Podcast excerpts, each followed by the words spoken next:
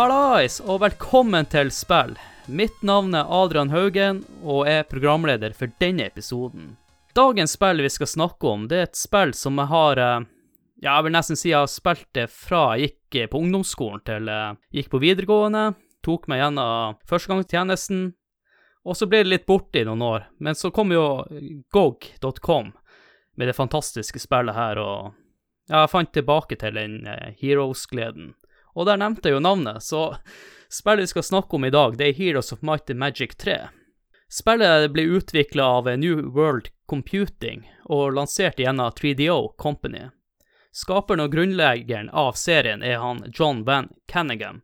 Utviklinga av Heroes 3 det starta, tror det var seint 1997.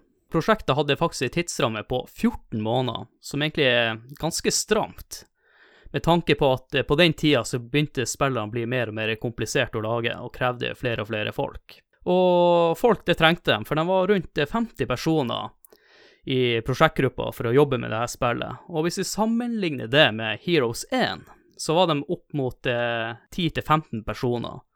Så det skjedd store forandringer siden Heroes 1, da. Heroes of Might and Magic Restoration of Erethia er litt usikker på om han hadde rett der, ble lansert 28.2.1999. Og spillet gjorde faktisk veldig godt. Det lå på topp 10-listen i hele fire uker etter release. Det første året så solgte det rundt 1,5 millioner kopier worldwide. I tillegg så kom det ut to expansioner til dette spillet. Det var Armageddon's Blade og The Shadow of Death. I denne episoden så men, tenker jeg at vi bare smelter sammen alle disse spillene når jeg tenker Heroes 3, så tenker jeg The Complete Edition, som inneholder de her to expansionene.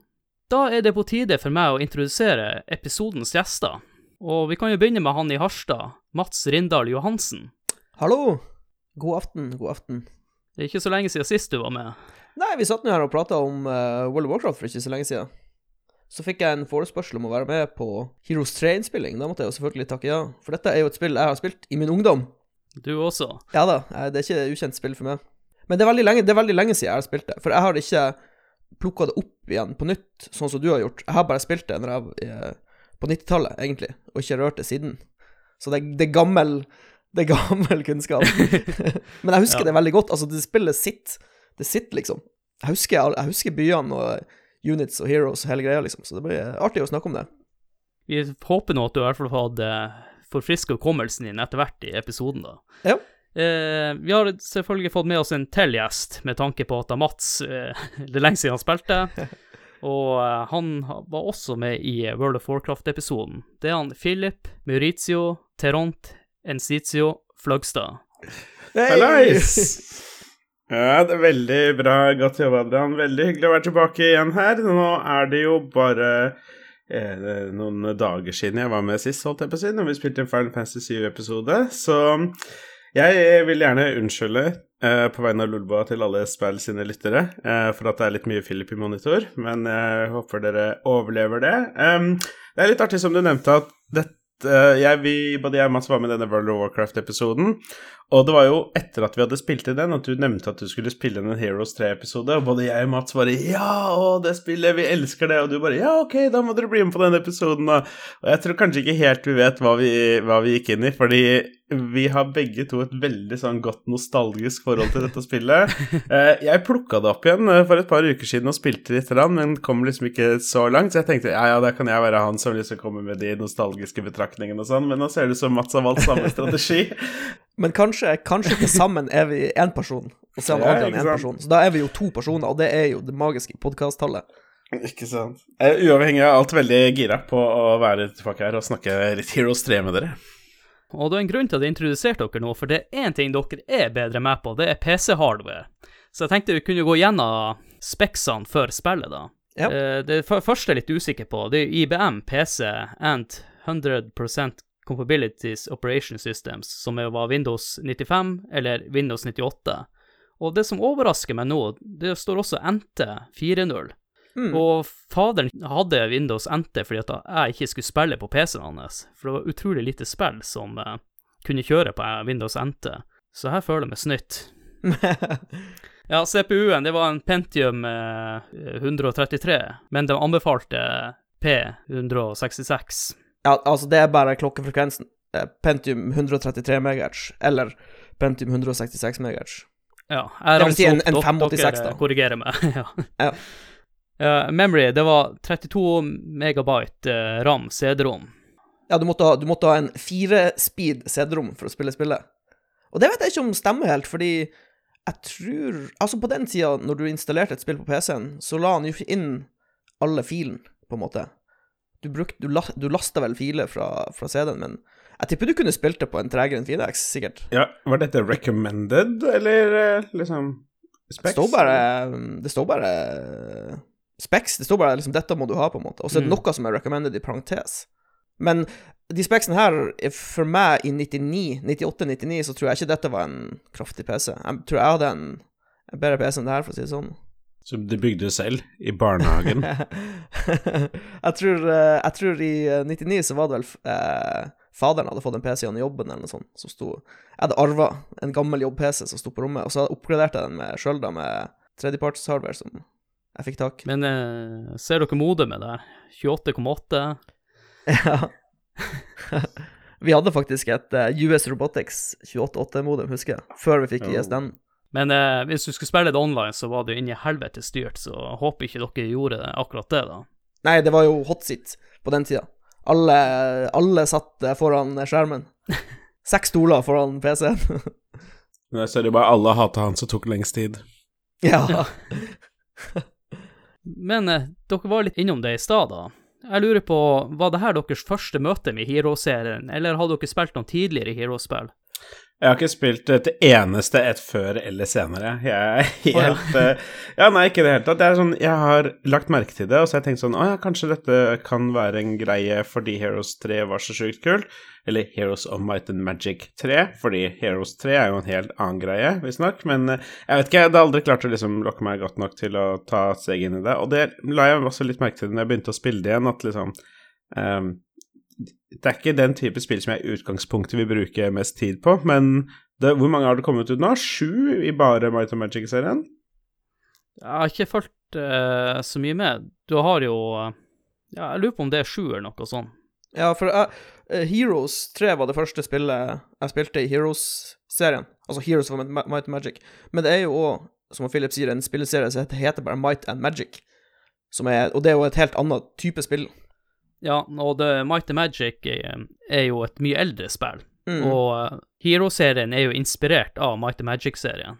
Ja, Jeg, lurer- er jeg lurer på om eh, skaperen er Han som eh, er skaperen av Hero-serien, også er skaperen av Might Magic-serien. Det ville ikke sjokkert meg, for uh, låren i spillet henger jo sammen i de to spillene. Mm.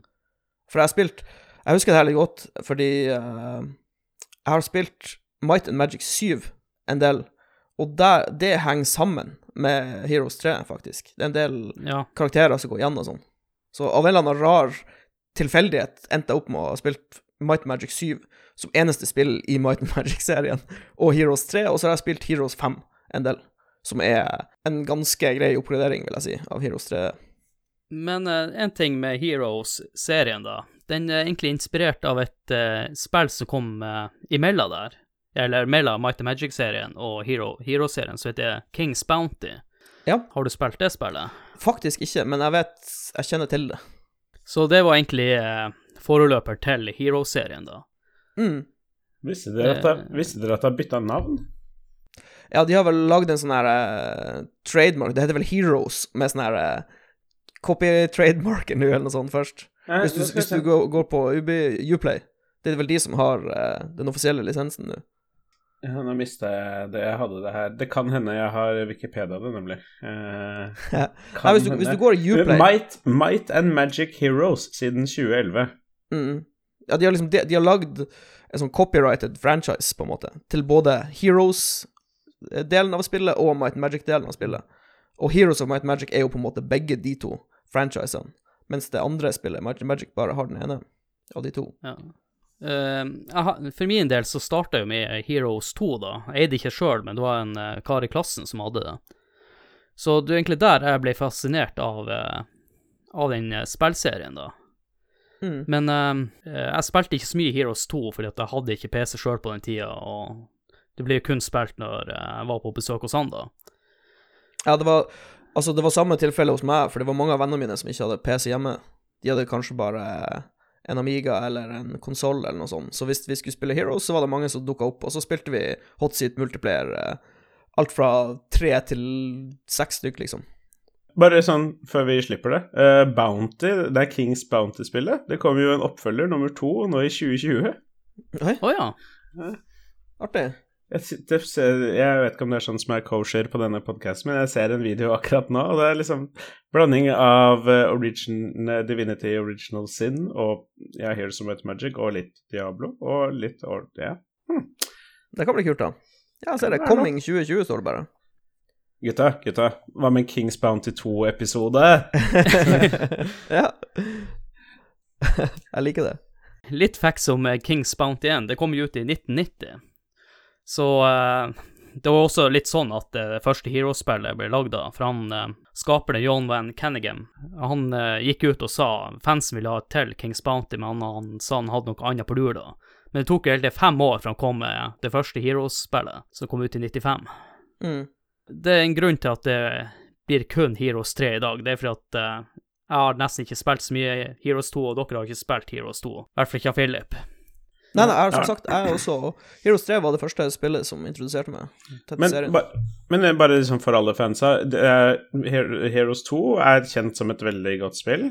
Ja, Det er liksom, Jeg har bare sett noen Jeg googlet litt rundt at det var en del andre fans som liksom nevnte at toeren er det de liksom egentlig likte best, men treeren er mest populær, eller noe. ja det, det er mange som synes at Heroes 2 er best, men eh, det som også var greia med Heroes eh, 3, de brukte faktisk samme game engine som de brukte i Heroes 2. De bare ordna spritesene mer detaljert og ville ha litt mer voksen preg på spillet. Mm. Og så er det greit å holde seg til, til Heroes 3 også. Som du nevnte, det tok det fem år før Heroes 1 kom, men etter det så kom det ett nytt spill eller utvidelsespakke hvert eneste år, bortsett fra 98, 2001, 2004 altså, så, ja, så holder det på en liten stund, så det er nok av spill i serien. Ja. Men vi holder oss til Heroes 3 i denne God idé. episoden. Støtter den. Med det så tenker jeg vi går over til spalten Få deg tømt. Det er på tide å få det tømt. I dag må jeg bare fortelle om hva som skjedde på butikken. Ja, du vet, denne øla her, den er så sykt god. Det spillet her er jo helt fantastisk. Hæ? Tuller du med meg? Har du ikke prøvd det? Sjekk ut denne TV-serien. Herregud, så fet. Få deg tømt. Og jeg tenker jeg skal være grei med gjestene, så, så tenkte jeg at jeg skulle starte. Jeg vet ikke helt hvordan jeg skal eh, angripe denne anbefalinga, men jeg har hatt eh, jævla vondt i, i kjeften, i, nærmere sagt noen tenner, nå i to uker, og jeg måtte bite i sure eplet og, og ringe til tannlegen. Jeg har jo syk tannlegeskrekk. Så i dag, faktisk, så dro jeg til tannlegen. Jeg tenkte yes, det her blir bare en liten sjekk og rett ut igjen, og så må, kan jeg manne meg opp litt og ta meg et glass whisky før neste gang jeg skal på besøk dit. Eh, det gikk ikke så bra. For det første så ble, var det snakk om at jeg kanskje måtte ta noe rotfylling. Men hun skulle i hvert fall fjerne fyllinga mi. Så det som skjedde, at eh, ja, reiv av fyllinga og fylte og holdt på å si fylte mitt hull. Det høres litt ekkelt ut, men eh, Du vet at vi to begge er fra Nordbø, så jeg tror det går fint. Ja, dette er, dette er, dette er la, tamme greier. Du blir må hardere til verks. Men sånn, gi meg sånn eh, på en skala fra null til ti, sånn smerte Sånn Ja, som jeg sa til henne, det er jo litt ironisk at her har jeg min verste experience på mange år. Mens dere bare sitter og prater der og har det hyggelig og litt radio i bakgrunnen. Sa til dem at det her er liksom surrealistisk, eh, det her er det verste jeg vet, og dere bare koser dere. Men eh, nå er det jo sju år siden sist jeg tok ei tannlegesprøyte i kjeften. Og jeg må også nevne det at eh, nå i oktober så fikk jeg beskjed om at det er ingen hull på de syv årene å unngå tannlegen. Men jeg var overraska, det gjorde ikke så jævlig vondt i sprøyten som jeg trodde. Og heldigvis så funka jo bedøvelsen jævlig godt for min del, da. Mm. Så eh, jeg vil egentlig bare anbefale folk å dra til tannlegen, bare få det fiksa, og få det gjort. Noen timer senere så har dere glemt at dere har vært der. Ja, da vil jeg bare anbefale å pusse tenna oftere, sånn at du slipper å gå Ja. til tannlegen og fikse ting. Eh, har, du, har du gjort noe lignende, Mats? Ja, faktisk. Jeg hadde Jeg hadde en rotfylling da jeg var veldig ung. Eh, det var jo bare tann som bare døde ut, virka det som. Og så var det en tannlege i Stavanger, faktisk. Jeg bodde i Stavanger eh, i eh, fire-fem år cirka, når, når, jeg gikk på barne- og ungdomsskolen. Eh, og så tok den tannlegen og fucka litt opp, så det ble bare verre. Altså, rotfyllinga var ikke gjort skikkelig. Så det, det endte opp med at jeg måtte bare trekke tanna, eh, eller spalte den, da, og så trekke ut delene, for det var bare helt herpa. Så har jeg fått en sånn stift og ei krone, da. Eh, og det Altså, jeg kan ikke klage på det. Altså, Tannlegene er dødsflinke nå. Bedøvelsen fungerer bra og sånn. Det eneste er det svir så sinnssykt på pengeboka med sånn kroner og sånn. Ja, det, det er sant. Det er så sinnssykt mye penger, fordi eh, når det er sånn kronegreier, da er det jo sånn her Da, da er det egentlig kirurgi med det sånn her inn i kjeven, en sånn stift i kjeven, og så må du vente x antall uker før du kan komme tilbake og sånn, og det er jo Det blir jo fort liksom 40 000 for ei tann, liksom. Ja, jeg tenkte jo nå når jeg fikk høre kanskje var måtte rotfylle, da tenkte jeg faen, der forsvant jo den PC-kassa jeg skulle kjøpe meg nå, nå når jeg kjøper en ny skjerm. Så jeg tror, jeg tror, det, er, jeg tror det er det folk Eller det er i hvert fall det jeg altså, kvi, gjør at jeg kvier meg litt for å gå til tannlegen, er at jeg har ikke lyst til å ryke på en sånn her eh, superdyr operasjon, på en måte. Ta, du vil ikke at du skal ta noe ut av skjermkortkontoen, nei? Nei. nei. Men jeg forstår jo, det er jo Folk må gå til tannlegen, vet du. Det blir bare dyrere jo lenger du venter, hvis du tror det er noe som er feil. Jeg har, jeg har tatt uh, to uh, visdomstenner, og det var greit nok. Det var jo, det var jo som Adrian nevnte, bedøvelse og sånne ting, så det gikk greit. Det merkelige er når du skal, drive For de måtte knuse tanna mi, og så su, mm. liksom støvsuge det ut, og det bare føles veldig merkelig at du ikke føler noe smerte når liksom, han står nedi kjeften din og bare ja. kling, kling, kling, ja, det, det, verste, det verste er når de skal trekke, og den sitter litt, og så du kjenner liksom hvor hardt han tar i, men du kjenner ingenting. Du kjenner bare Nei. at hodet ditt flytter på seg for han tar så hardt i, liksom. Det er ganske heftig. ok, nestemann, nestemann. Uh, ja, da var det min tur, kanskje. Um, OK. dette blir litt sånn dette blir, Det er nesten en spøk på dette tidspunktet, men jeg har lyst til å anbefale en sportsdokumentar. ja, OK. Er det den jeg anbefalte forrige gang? Vi kan jo forklare det her litt, eh, fordi jeg er jo med på Lolbua også, og der har vi også en anbefalingsspalte. Og i det siste så har jeg anbefalt jæklig mye sånn sportsdokumentarer. Og det er egentlig bare tilfeldig, men eh, denne er legitimt dødsbra. Det er um, Den ligger ute på Netflix, den heter The Last Dance, eh, og den er produsert av ESPN, egentlig, så den går sikkert på ESPN i USA også. Men det handler basically om Chicago Bulls og Michael Jordan på 80- og 90-tallet og storhetstida deres. Og det er ti episoder, og åtte av dem har vel gått på TV nå. Så det er, det er, bare helt absurd bra produksjonsnivå på den serien der. Det er liksom intervjuer med eh, alle Chicago Bulls-spillerne, trenerne, eh, de som er sjef for klubben, andre spillere i andre klubber. Og de har så sinnssykt mye bra sånn footage. For det var visstnok et eh, doku-team som fulgte dem på den tida, og tok masse opptak. Men jeg vet ikke om det har blitt lagd eh, til noe før nå, da. At liksom opptakene har, virker som bare har ligget der, på en måte. Veldig bra kvalitet. Så ja, hvis du, hvis du bare bryr deg bitte litt om eh, NBA, eller basketball, eller om Michael Jordan eh, Og jeg vil si at egentlig så trenger du ikke ha et forhold til det for å kunne bare sette pris på hvor bra det er, på en måte. Ja. Jeg har, jeg har brukt å spare episodene, for jeg brukte å se det hver helg eh, til lørdags- og søndagsfrokosten min. Ja, ok. Eh, Philip, har du noen anbefalinger? Eller, eller et, bare få det tømt, rett og slett? Ja, jeg, jeg skal få meg tømt. Uh, uh, jeg har selvfølgelig best lyst til å rante om noe, for jeg syns det er gøy. men jeg, jeg, er ikke du skal, helt... du skal få lovt, for det, vi må få fram det aspektet òg. Han forrige som renta, han måtte rett og slett kutte. Det ble Det gikk over, så du har lov til å forsøke det. Det er ikke så mye jeg er irritert på for tida. I guess ting går seg til. Eh, så jeg, jeg tenkte egentlig å anbefale noe jeg har anbefalt før i Lolbua, litt sånn Mats. En eh, enkel greie å gå, så jeg tenkte, tenkte å anbefale karaoke, for det er fantastisk. Men så så jeg en anbefaling Lars har gitt av et TV-program, så vi går den veien, jeg også, som heter The Circle. Og ja, det er reality-TV, og det er trash. Eh, Lars skriver selv på, i, teksten hvis det var like stor oppfinnsomhet på alle andre områder i verden som på trash-TV, så hadde vi i dag bosatt Mars, funnet en kur for korona og levd til vi var 1000 år gamle. I, sted, i, stedet, I stedet får vi show som The Circle, hvor deltakerne blir låst inne på hvert sitt rom og kun kommuniserer via sosiale medier. I hver episode stemmes den minst populære ut, og som forventes later flere av deltakerne som at de er noen andre enn seg selv. Magi. Kjempeartig megatrash reality. Jeg svelga hele sesongen ganske kjapt. Det er, ja, det er som de nevner. Folk flytter inn i et eh, leilighetskompleks hvor du bor i hver sin leilighet og kunne kommuniserer via, ja, via sosiale medier, og den personen som har mest influence eh, ved liksom slutten av ja, hver dag, får mulighet til bla, bla, bla, bla. Så er det masse drama, folk som ikke later som de er de de er, og sånne ting. Så anbefalingen er egentlig generelt trash-TV. Eh, en gang iblant. Det er lov å nyte litt trash-TV. Det er helt i orden. Sett deg ned og kos deg med Paradise Hotel hvis det er greia di, eller så bare flikker du over på Netflix, ser Circle sesong 1, ser The Circle France sesong 1, ser The Circle Brazil sesong 1, 2 og 3. Hvis ikke det er greia di, smekk deg en liten Bare lur deg litt rundt hjørnet. Oi, hva er det der? Der venter Love is Blind. Hva er det her for noe? Er det et program hvor i et stort kompleks så bor menn på den ene siden, kvinner på den andre siden, og de kan aldri møtes, de kan kun snakke med hverandre og får ikke lov til å møtes før den ene frir til den andre, og de er forlova? Mm, sounds good to me. Og hvis det ikke er nok så bare scroller du helt øverst på, uh, på Most Popular, og der ligger Too Hot to Handle. Veldig ja, Det er Paradise Hotel. Unge, dumme, sexy mennesker som er sammen.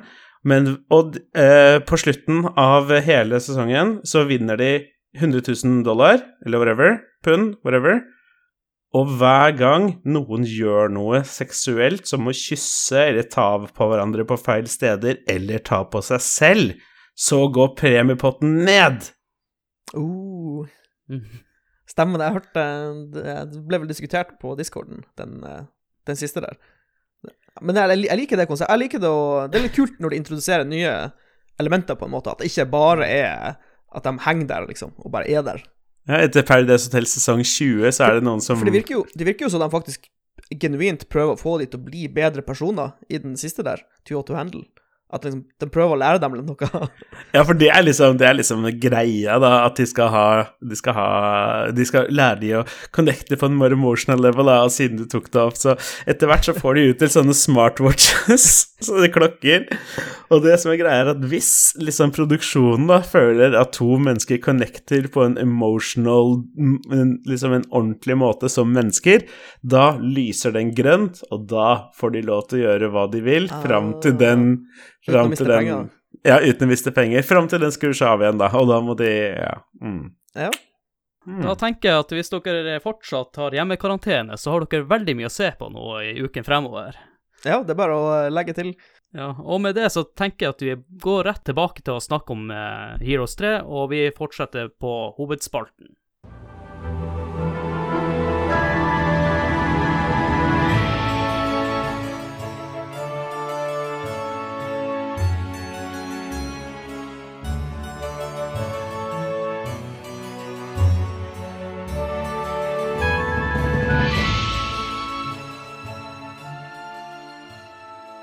Da skal vi snakke om eh, Heroes of Mighty Magic 3. Og det kanskje kan være greit å, egentlig, å snakke om hva går spillet ut på? Ja, jeg kan jo prøve meg på det her. Uh, det, er, det, er, et RPG. Turn-based RPG, men um, du har to deler i spillet. Du har først et sånn kart. Et sånn overland-kart. Jeg vet ikke helt hva vi skal kalle det. Et verdenskart Eh, hvor ja. du eh, kan styre byene dine og heltene dine. Og reise rundt, plukke opp ressurser, eh, slåss med fiender osv. Og, eh, og når du går inn i en kamp, så får du en sånn grid. Eh, grid-system med dine karer på venstresida, fienden på høyresida. Og så det, går det turn-based, hvor du styrer enhetene dine for å knuse hans motstandere. Eller de andre juntene, da. Så kort fortalt. Og eh, de enhetene eh, Du ser bare én på skjermen, men du har et tall under som egentlig sier hvor mange e-, enheter du egentlig har. Ja, det er sånne stacks. Ja. Stemmer det. Det er ganske, en ganske viktig del, faktisk. For det kan, det kan bli ganske høyt tall, det, tallet under uniten. Ja. kan vi si. Og så, så, har du jo byer som Mats nevnte, som du kan eh, bygge på. Igjen som lager enheter og gir deg ressurser, osv. Og så kan du jo selvfølgelig Altså, du får XP til helten din. Han går opp i levels, og hver gang du går opp i level, så må du velge. Du får et sånt valg. Det, det er egentlig noe som går igjen i spillet veldig ofte. Du må velge mellom A og B. Uh, ofte når du trykker på sånne kister sånn på kartet, så får du liksom Ja, nå kan du få så og så mye gull, eller så kan du få litt XP. Og det samme når du leveler opp. Da må du velge bort en ability, på en måte. Men Ja. du kan få den på nytt igjen senere, da. Det er bare at akkurat når du leveler opp, så får du valget mellom to egenskaper. Akkurat det er et veldig, veldig artig aspekt, egentlig. Eh, Alle heltene Disse heltene som er i spillet, de er, det er en hel forskjellig gjeng av de. De er, de er litt forskjellige. Eh, jeg husker de egentlig, for å være helt, helt ærlig, ikke hvor forskjellige de er, men jo, de starter med forskjell, noen forskjellige typer tropper og spills og sånne ting. Men eh, ja, når du leveler de opp, så har du på en måte en vei å velge, og disse tingene du kan velge mellom, er f.eks. bare at du tåler mer, og dine tropper tåler mer, eller slår hardere, men også eh, pathfinding, f.eks., som gjør at du kan gå lenger på brettet i løpet av en dag, eller du kan seile mer, eller du kan titte og datt. Det er en hel haug med ting som gjør at du kan eh, ja, litt forandre hvordan du spiller spillet, da, nærmest hvordan, eh, ettersom hvordan du bygger den opp, og eller vice versa. Ja, og så må du jo selvfølgelig ut og sanke ressurser. Du har eh, gullgruve, eh, steingruve osv. for å få inn ressurser til byen, så du kan oppgradere de forskjellige bygningene som enten gjelder tropper eller magi, eller andre Bonuser, eller ja. ja, bonuser, ja. Vi kan si det på den måten.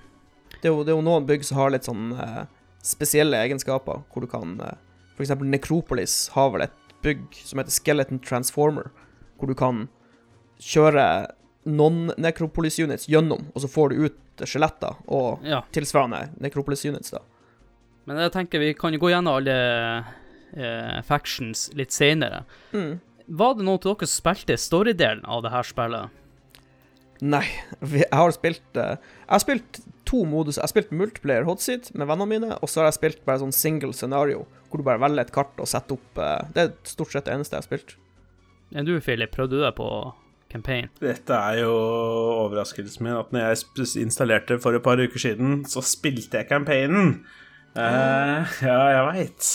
det er første gang jeg har gjort, for så vidt. Uh, jeg spilte ikke hele, for å si det sånn. Eh, jeg vet ikke, det var ikke så Det er ikke så mye Det er liksom Heroes, bare med et Hva det heter Det er et type scenario, og så er det en type historie. Så vidt jeg har skjønt, så er det en ganske sammenhengende law og historie oppi alt dette her, som etter hvert blir snudd litt på hodet av forskjellige utvidelsespakker og sånne ting, men jeg har fulgte aldri med på det, for å være helt ærlig. Så ja, brydde meg ikke noe særlig om det, og i barndommen så var det akkurat samme. Spilte jeg aleine, så var det scenarios det ikke, eller forskjellige ting jeg bare satte opp, eh, eller multiplayer hotsit. Mm.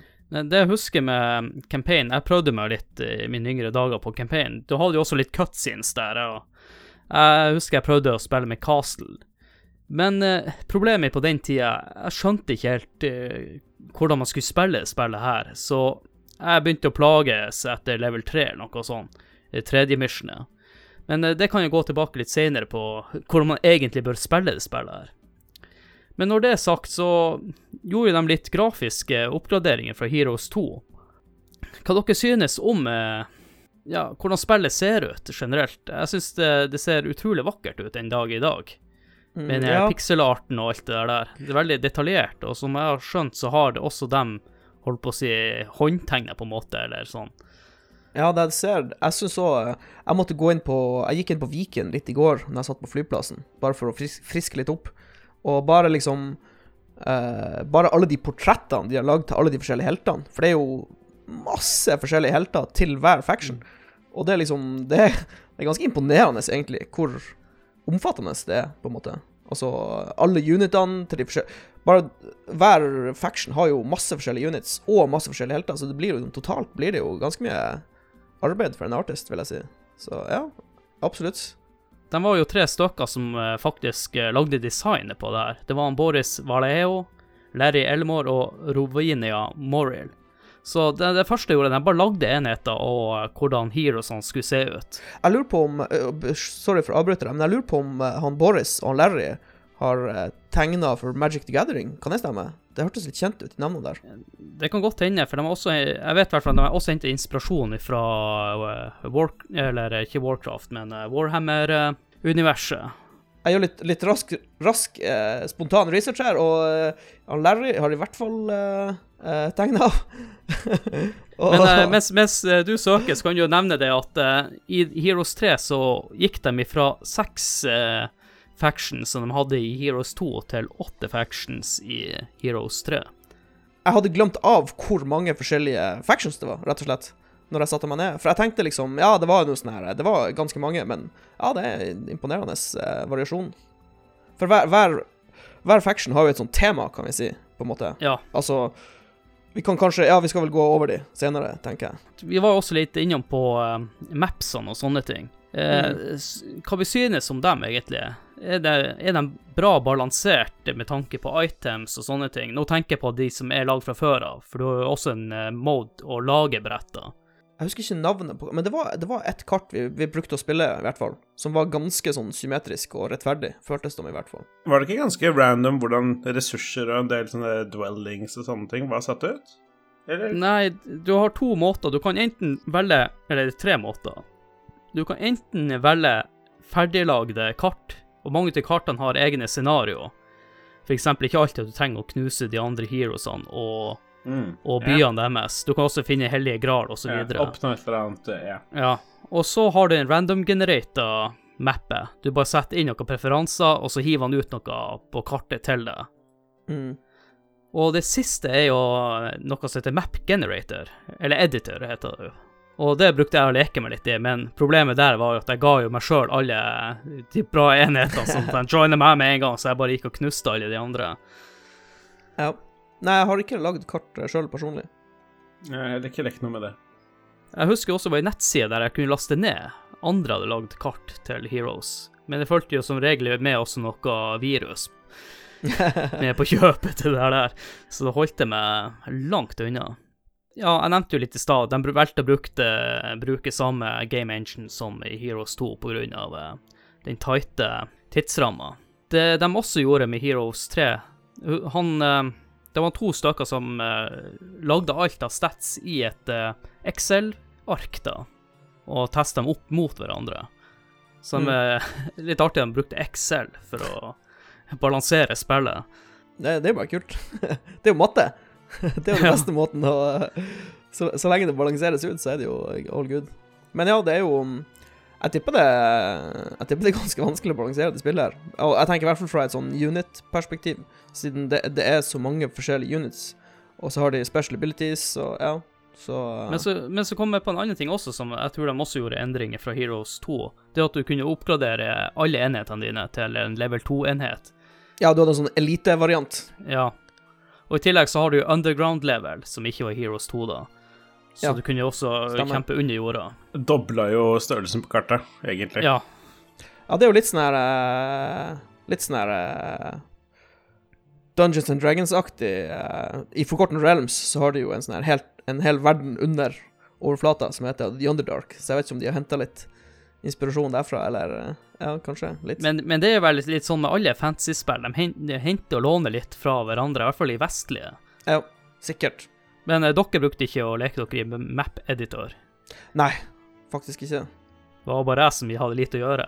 Jeg hadde Jeg husker Jeg lagde noen kart til Doom og Doom 2, okay. men ikke Heroes. Men det var ganske komplisert å lage det i Doom, husker jeg. Det var vanskelig. Så jeg tror kanskje jeg, brent, jeg brente meg litt der. Men da skjønner du også hvor dyktige de er på å lage mapsene. Det ligger mye tanke bak. Det er ikke Mm. bare å drefse det ut og tenke at det her blir dritbra. Men uh, vi nevnte jo uh, noen enkle game-moduser, da.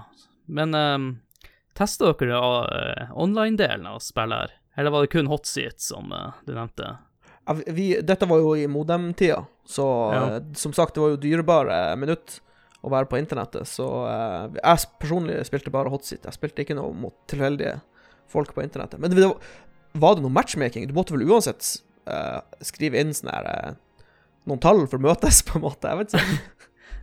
Jeg testa det aldri ut sjøl. For på den tida så var det jo Du kobla jo til en annen person, enten med IP eller noe sånt. Det var vel ikke Eller kanskje det var matchmaking, når jeg tenker meg om, i, i slutten av 90-tallet. Jo, det kan det fort ha vært. Vi får, eh, vi får eh, de, de, Noen må sende inn eh, Ja. info på dette til oss. Tweet spill på Twitter.com. eller helt sånt. Ja. Jeg vet ikke om jeg er på Twitter, men ja, ja, dere får prøve. Ja, ikke sant. Men for min del så var jo den hot seat-greia utrolig morsomt. Jeg husker noen somre en kompis som nevnte mange ganger før, som heter Øystein. eh, Vi spilte det her hot seat, hørte på Red Hot Chill Peppers og spiste skistuls uten skje eller gaffel. Så det ble jævla sånn ekkel eh, mus. Faen, det, det her ble grisete prat. Ja, ja. Cheesedoodle-støv på musa. Fort gjort. Jeg har gode minner til den hotseat-greien. Ja. Og det funka egentlig ganske bra. Siden det er turbasert, så var det Ja, det var fair. Alle fikk sin runde. Mm. Ja, du Philip, eh, spilte du med andre, eller satt du mest og spilte singleplayer? Nei, akkurat samme. Holdt jeg på å si. Det var eh, kun singleplayer det gikk i. Okay. Uh, ja, jeg vet ikke. Nå, en som vi kanskje kommer tilbake til etter hvert. Jeg, jeg kan nerde veldig mye mindre på dette spillet enn veldig mange andre. Alt jeg. Jeg syns det var gøy å liksom klikke på ting og bare være powerful. Når jeg spilte solo, ville jeg bare være megapowerful, bare drepe alt og vinne overlegen, på en måte. Eh, det var liksom den driven til å liksom utforske kartet og sånne ting som jeg syns var artig. Eh, og på samme måte da så var det ikke noe konkurranseinstinkt som døtta meg mot å gå online for å spille mot andre, da. Eh, når dere spiller, hva dere foretrekker? Spille mot, mot maskin, eller liker dere å spille at eh, alle mot alle, eller at eh, he, alle maskinlagene er mot dere? Vi, vi hadde en sånn uskreven regel om at uh, hvis vi var eksempel fire spillere og fire AI, så, var, så angrep ikke spillerne hverandre før vi hadde tatt CPU-ene, på en måte.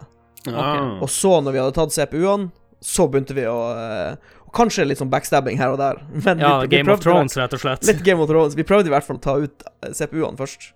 Og så eh, Men det som er så morsomt, er at det tok jo så forbanna lang tid, de her eh, rundene. Så det var jo sjelden vi rakk å spille ferdig, på en måte, å få en vinner. Det slutta jo egentlig bare at en fyr ble dritsur og gikk hjem fordi han ble angrepet og tapte, liksom. Og så ble det en superdårlig stemning. Det var Du er inne på noe der. Det er viktig å nevne at uh, når du spiller et spill her, så må du uh, påberegne noen timer for hvert game. Nei, men du kunne vel Du kunne jo lagre da og fortsette dagen etterpå. Ja da. Så det, det gjorde vi flere ganger. Men det var, det var, noen, uh, det var noen sure episoder, kan jeg vel si. Uh, litt sånn, så når vi er inne på lengden av spillet, og, og, og så kan vi liksom litt sånn Vi har jo nevnt egentlig mest strukturen. Dette var noe som jeg planla å si tidligere, så jeg gjør det nå. Eh, jeg hadde på et tidspunkt en greie med Og jeg skrev en artikkel på spill som har dette bare én runde til-syndromet. Og det er på en måte der Heroes på en måte skiller seg ut kanskje mest for meg, og jeg er villig til å vedde ganske mye på at det går igjen hos dere to også. Eh, dette er spill som på en måte hvor du sitter og spiller, eh, og så gjør du noe, og så gjør du deg ferdig, og så har du mulighet til å trykke på en knapp som gjør at neste runde kommer. Og det å trykke på den knappen er det mest fristende i hele verden, nærmest uansett. Klokka er mye, men liksom, ok, nå har du gjort alt klart. Du bare trykker på den knappen én runde til, og så får du bare se liksom resultatene av det du bestemte deg for å gjøre. Ok, så kan du være fornøyd med det, så kan du gå og legge deg. Men da ser du jo bare et par andre ting, så kan du i hvert fall legge opp hva du skal gjøre neste runde der igjen. Og da kan du bare trykke én runde til for å bare se hva som skjer. Oh, yes. Eh, opp samme gate, Football Manager og Civilization. Det er liksom ja, Civ, de, Civ er veldig bare en runde til. ja. de to spillene sammen med Heroes of Might Magic 3 spesielt, for meg, det er sånne spill som bare Nei, men det, det, det er- et veldig godt poeng. For det er liksom Den, den der lille knappen nede til høyre, den er verdens mest fristende ting liksom å trykke på. Du vil Du vil Og det er så enkelt. mm, og det er så utrolig lett. Ja. Du trenger bare trykke, og så skjer det ting. Ja. Veldig artig. Det, det er veldig bare sånn Det er et sånn type spill som du bare går utrolig mange timer på når du først setter deg ned. Det var akkurat samme for meg når jeg installerte det for to uker siden igjen. Det var bare sånn, satt meg ned, og så bare Å ja, ok, klikke litt videre, klikke litt videre. Og plutselig så bare gikk timene, og jeg har ikke gjort det jeg skulle, og, og Ja, nei, det var eh, generelt sett bare det er et sånn enormt Ikke et tidsfordriv, men et tidssluk som bare drar deg ned med vekten av én runde til, én runde til. Mm. Det er um, uh, Good Old Games-versjonen som er den foretrukne å hente hvis jeg skal kjøpe det. Ja. Ja, Det jeg tenkte jeg også skulle nevne. Ja, Complete Edition. HD-versjonen er egentlig bare drit, rett og slett. Mm, jeg så de hadde endra på litt ting der. Ja, det, det er den jeg har spilt, og den har ikke fått noen sånn enorme gode skussmål. Jeg la ikke så mye merke til det sånn sett, men hvis, først, hvis jeg skulle kjøpt det igjen, hadde jeg heller kjøpt uh, GOG-versjonen. Den HD-remixen heller, HD-greia, har ikke de utvidelsespakkene heller. Fordi de hadde ikke tilgang på kildekoden eller noe sånt noe. Ja, så, Og de expansionene er utrolig viktige for det spillet her, mener jeg. Armageddon's Blade og det andre som jeg ikke kom på akkurat nå, for det man nevnte før. Shadow of Death. eller Ja, noe Shadow Shadow of. Death, ja. Ja. Yes. En liten ting før vi tenkte vi skulle snakke om alle eh, fraksjonene i spillet. Når dere spiller, hvordan vanskelighetsgrad bruker dere å spille, det? Åh, Godt spørsmål. Det husker jeg ærlig talt ikke hva jeg brukte å ha det på. Hva, eh, vet du hva forskjellene var? Eh, Noe er 80 Du går fra 80% opp til 200 eh, 100% er normal. Ja, eh, og det, det, har det med hvor mye skade du gir og tar? Ja, også litt på motstanderen motstander du møter. Hvis det er mot maskin, så er det jo eh, hvor mange enheter de har i troppene sine, osv. Hvis du spiller på 80% så tror jeg ikke de har eh, de eh, level 7 Ah, de super, Enhetene de beste? Jeg forstår. Ja, Jeg lurer på om vi brukte å spille på 100 da. At, vi gikk opp ett hakk. for når du begynner å bikke 100 og opp mot 200, det er da man må inn med de, alle de taktikkene som finnes i det spillet her, for alle dem som er viderekommende. Mm. Men for min del så spiller også jeg det på 100 Jeg liker å kose meg litt med spillet. Nettopp. Det er jo ikke Man skal jo ikke tyne seg sjøl helt, liksom. Nei, for jeg har sett litt på de proffene, og dem er sånn den eh, klikker ett og ett klikk for å se hvor langt de klarer å gå med heroen, og så. Uh, Og prøve å utnytte maksimert. Ja. Nei, Iva Så- var noe som ser interessant ut, og så trykker jeg. Mm. Jeg, jeg spilte heller aldri på noe høy vanskelighetsgrad. Jeg, jeg, igjen, jeg spiller dette spillet fordi jeg syns det er gøy å utforske det, og det er kult å ha masse drager og liksom Jeg vet ikke. Det er noe ved det som bare på en måte er gøy å leke med, da. Men eh, ja. Jeg spiller ikke for den store utfordringen. Når jeg spiller sånn turn-based spill, så går jeg inn i sånn her rolig, tilbakelent casual-modus, liksom. Da Jeg sitter ikke helt framme i stolen som når jeg spiller Call of Duty, liksom. Da har jeg lyst til å kose meg litt og ja, ta meg god tid og ja, ikke stresse og Ja, og så er en ting som er veldig viktig å ta fram. Alle vi tre driver på med, det er jo podkast. Det er veldig bra podkastspill, det her. Ja, godt poeng. Du tenker å høre på, høre på Ha en pod på øret mens du spiller, ja? ja. Ja, ja, ja. Ja, det vil jeg anbefale. Eller er det Chili Peppers, som vi gjorde en gang i tida.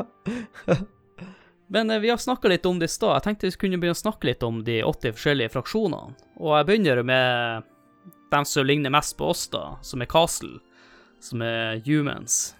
Brukte dere å spille mye med Castle? Ja, jeg har spilt noen runder med det. Jeg må, som sagt, jeg måtte gå inn i Viken litt, men jeg husker de hadde um, De, hadde, de fikk de her englene helt til slutt på Ja. level 7 som kunne flyge. Uh, ar, oppgraderte som Archangels. Eh, og de husker vi fikk for oss av en eller annen grunn, var helt ufattelig OP. Og nå er det jo masse liksom, Alle har jo hver sin tier 7-greie, men jeg vet ikke helt hva det var med Archangels. De bare fremsto så ufattelig sterke. sterke. Kunne de revive troppene dine eller et eller Ja, annet de sånt? får resurrection. Det stemmer. Og der er også proffene veldig flinke. De, eh, I stedet for å avslutte kampen, så bruker de Archangels til å res resurrecte alle dem som er daua, osv., for å minske tapene, for å så ta ut den siste fienden. Det er også sånne taktikker jeg ikke driver på med. Og så husker jeg um, den eh, level 4-uniten. Den begynner som swordsman, og så blir den crusader når den er oppgradert. Han Ja. fikk sånn dobbeltangrep som var utrolig kraftig. Ja, slo to ganger, ja. Mm. Og hvis du fikk, og hvis du fikk luck, den derre uh, Ja, så kan du slå en gang til, ja. Mm. Nettopp. Og den fungerte jo dobbelt når du hadde Mm. dobbeltattack. Det var kraftige greier. Det er bra du nevner det, for at mange av enhetene har noen sånne spesialangrep som ikke som Det står ingen plass, de bare har det. Mm. Og det er utrolig kult. Ja, nei, det er masse sånne ting, som at Angel for eksempel gjør 150% skade mot Devils, og så videre. Sånn, Ja. Og så er det jo egentlig en eh, bra variasjon på enhetene med tanke på hva de kan gjøre. Griffin kan fly langt, og Ja, og så har de ranged units og tanky units og Jeg tror Ja, de er sikkert en av de bedre, vil jeg tro. ja, det er jo Det er jo liksom standard start-rase-type faction, er det ikke det? ja da, det er kanskje de vil anbefale at eh, nybegynnere begynner med da. Men jeg kan jo trekke frem noen eh, positive og negative ting med, med Castle. da. Du var inne på det, det er jo bra variasjon på enhetene. Starttiroene du kan velge før du starter gamen, eh, dem er ganske bra. Eh, de har også Mage eh, Guild level 4, som gjør at du kan eh, oppgradere til fjerdenivået fjerde-nivået på magien heroen kan bruke. Ulempen ulempene er at eh, ingen av enhetene har immunitet mot eh, magi, da. Og så er jo alt inne i Castle koster jo skjorta. Jævla dyrt å bygge bygningen i byen. Mm. Eh, Så har vi et annet eh, fraksjon da, som er Rampart, som er alver og enhjørninger. Jeg har litt sånn her eh, ranger- og druid-tema. Ja, jeg skulle si sånn der, han, røkt seg stein-tema. Yes. Dverg, dverger. Hippie-tema. De har dverger. dverger, de har woodelves, pegasus, unicorns, og så får de drager. Grønne dragere. Ja. Ja, for det, det er jo egentlig en veldig viktig greie, fordi det er jo en del drager i det spillet her, eh, etter hvert. Ja. Hvis du er en drageentusiast i dette spillet ditt Mm. Ja, en liten fun fact igjen. han eh, Centaurene er jo den beste level 1-enheten i spillet. Den som er kraftigst. Mm. Kentur Ja. Captain blir dem når de er oppgradert. Jeg kan jo ja, ta litt positive og negative ting med denne fraksjonen òg, da. Positive først, da. De har eh, magiresistente enheter, det vil si at uh, ikke all magien som påvirker enhetene deres. De har, jeg nevnte at Kentauren er den beste level 1-enheten, men minuset er at de har bare én range-enhet som kan eh, angripe fra distanse. Mm. Ja, er det noe mer dere har lyst til å nevne om Rampart? Er det noe dere bruker å spille ofte med, eller er det noe dere driter i? Jeg tror jeg spilte dem veldig lite. Det var ikke de første jeg valgte, for å si det sånn.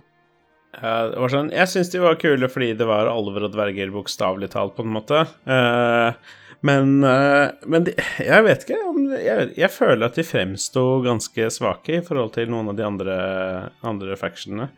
De, det, det, det, det jeg kom på nå, når jeg går i Viken, er at eh, Rampart har en helt heter Kyrre, som er ei dame. Ja, det er sant. Jeg fant det ut i dag, jeg, faktisk. ja, det, jeg husker vi brukte å flire når eh, han Kyrre dukka opp. Nei, eh, Rampart for min del det er også kanskje en av fraksjonene anbefaler nybegynnere å starte med. De er litt sånn castle, egentlig veldig enkel å bruke. Jeg tror også de her har mage level 5. Du kan oppgradere til 50 level spells. Det er, som du nevnte det, de har bare én ranged unit, men jeg tror de Woodelfsene var ganske, var ganske gode. Jo da, de har jo sånn eh, Så- dobbeltskudd. Ja, det var det det var. Ja, stemmer. Og det samme har folkene i castle, de eh, armbrøstfolkene der. Mm. Men vi kan jo gå over til Mm. Tower, som er litt sånn spesielle. De har jo litt mer sånn der han eh, my gresk mytologiopplegg, med Titan som den beste level 7-enheten, og Nagas og Jerngollum og litt sånne ting. Og så er det veldig sånn her Alle uh, Alle heltene er enten wizards eller alchemists. Det er jo veldig sånn eh, magibasert uh, Mm. fraction, da. Det er Harry, Po Harry Potter-faction. Ja, Ja, herregud. Ja, for jeg satt og liksom klødde, klødde meg litt i hodet. Var det sånne der gremlinsene, hvor er de liksom kommer fra? Men det er jo House Elves! Ja, og Stone Garlands og Dobby has been given a sock!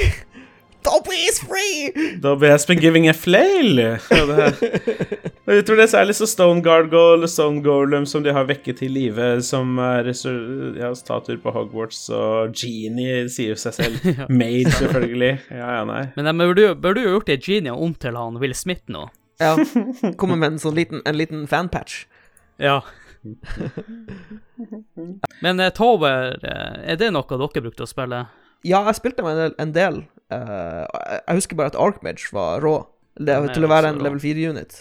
Og når vi er inne på pluss og minus, kan vi nevne litt pluss og minuser her òg. De har bra variasjon på enhetene. De har library, som gir tilgang til flere spills.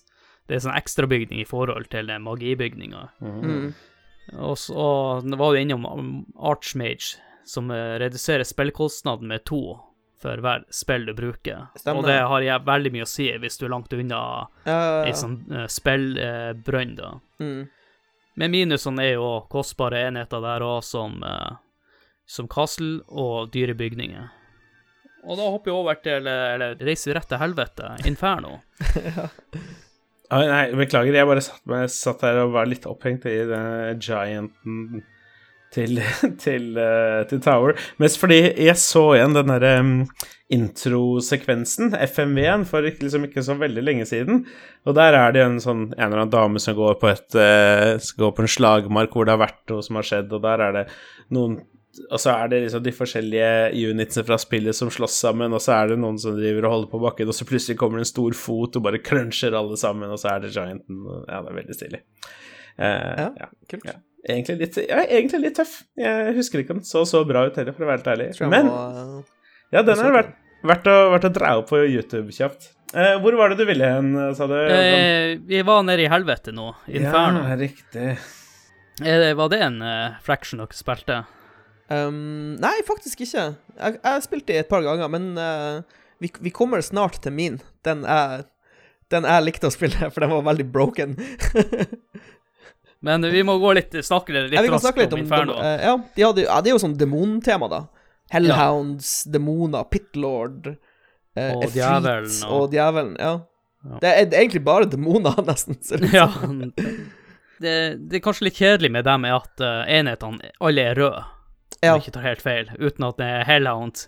I tillegg så synes ikke jeg at de har de morsomste enhetene å spille. Så vi, vi kan jo egentlig eh, hoppe over til pluss og minuser, tenker jeg, hvis ikke var noe mer.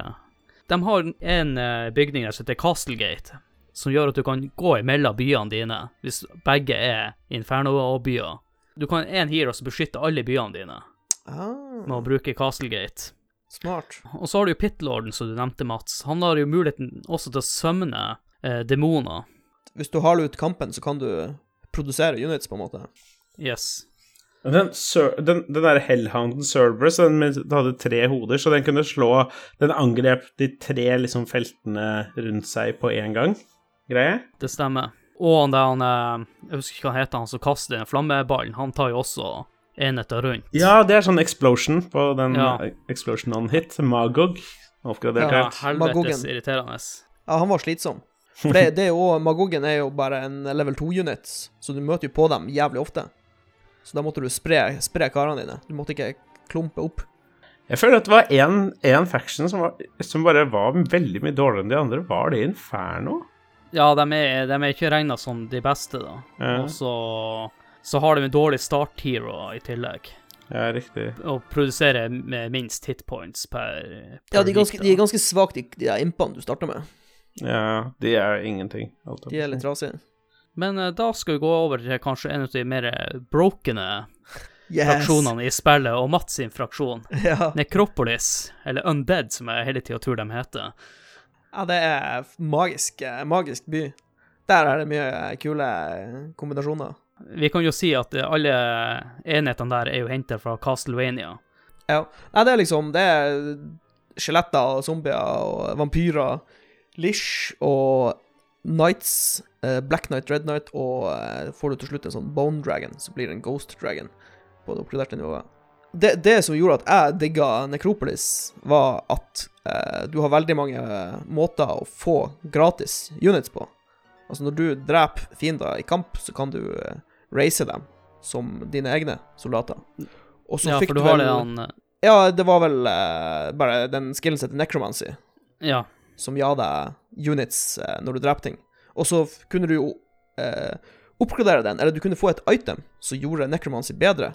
Jeg husker ikke helt hva itemet het. Det var, du kunne kombinere noen items. Det som, det som Det du vanligvis gjorde, er at Eller det som gjorde at Necropolis var helt oppe, var at du kunne teknisk sett bare grinde ned motstanderen din. Bare angripe han med masse skjeletter eller whatever, og så taper du. Og så kjøper du en ny hero til liksom ikke noe penger, og så tar du med de skjelettene som nå har dukka opp i basen din, som har spawn der tilbake automatisk.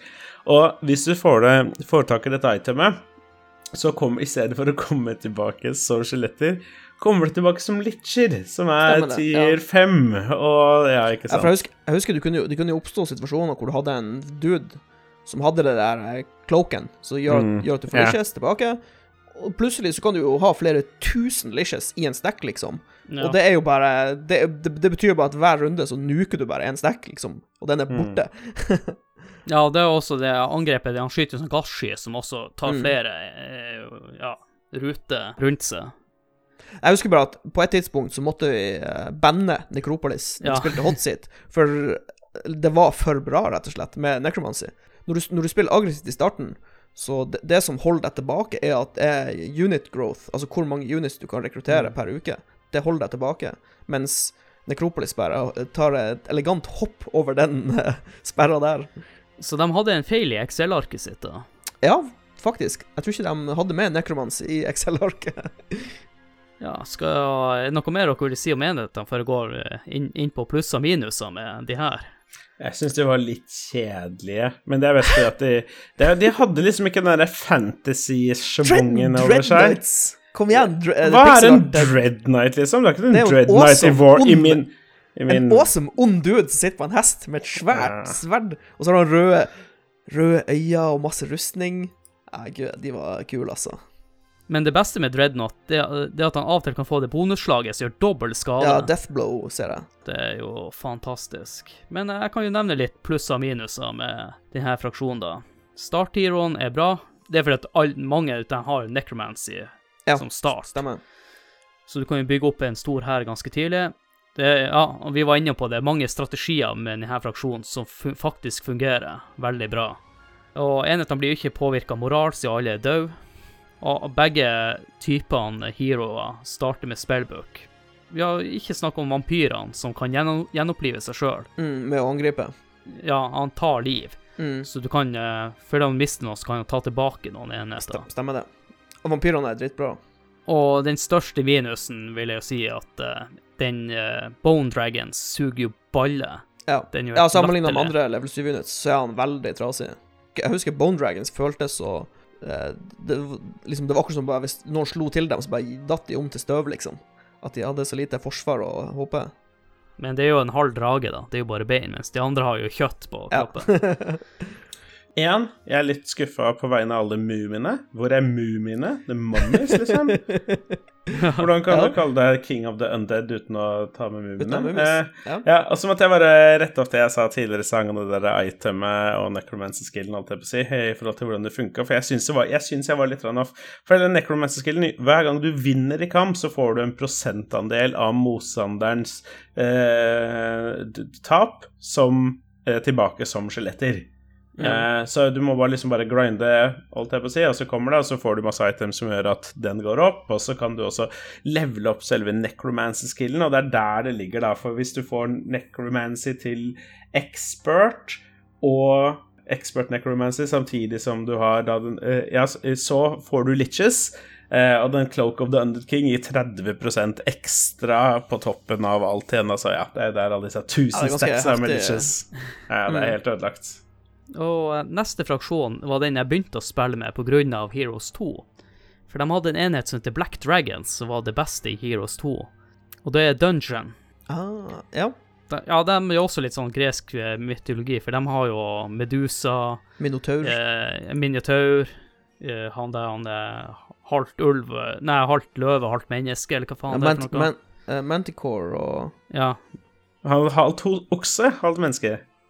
Ja, ja, men det har en til en som halvt løve og et eller annet. Ja, uh, eh, en Manticore er skorpion, løve og ørn. Ørn, ja. Grek, grekerne likte å bare mikse ting. ja. Og så har du øyet til takkelkaren som skyter. eh, Ja, en beholder, som vi kaller dem i Dungeons and Dragons. Og så har du han lille firfisla med den tannpirkeren som alltid syns er artig. Mm, Troglodyte.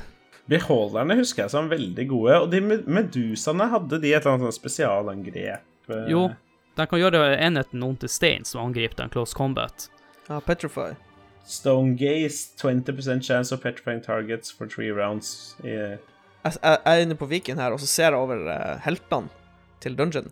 Uh, de har en female warlock som heter Seffin Roth. oh, jeg liker det. Veldig bra. Men brukte dere å spille en uh, fraction her, da?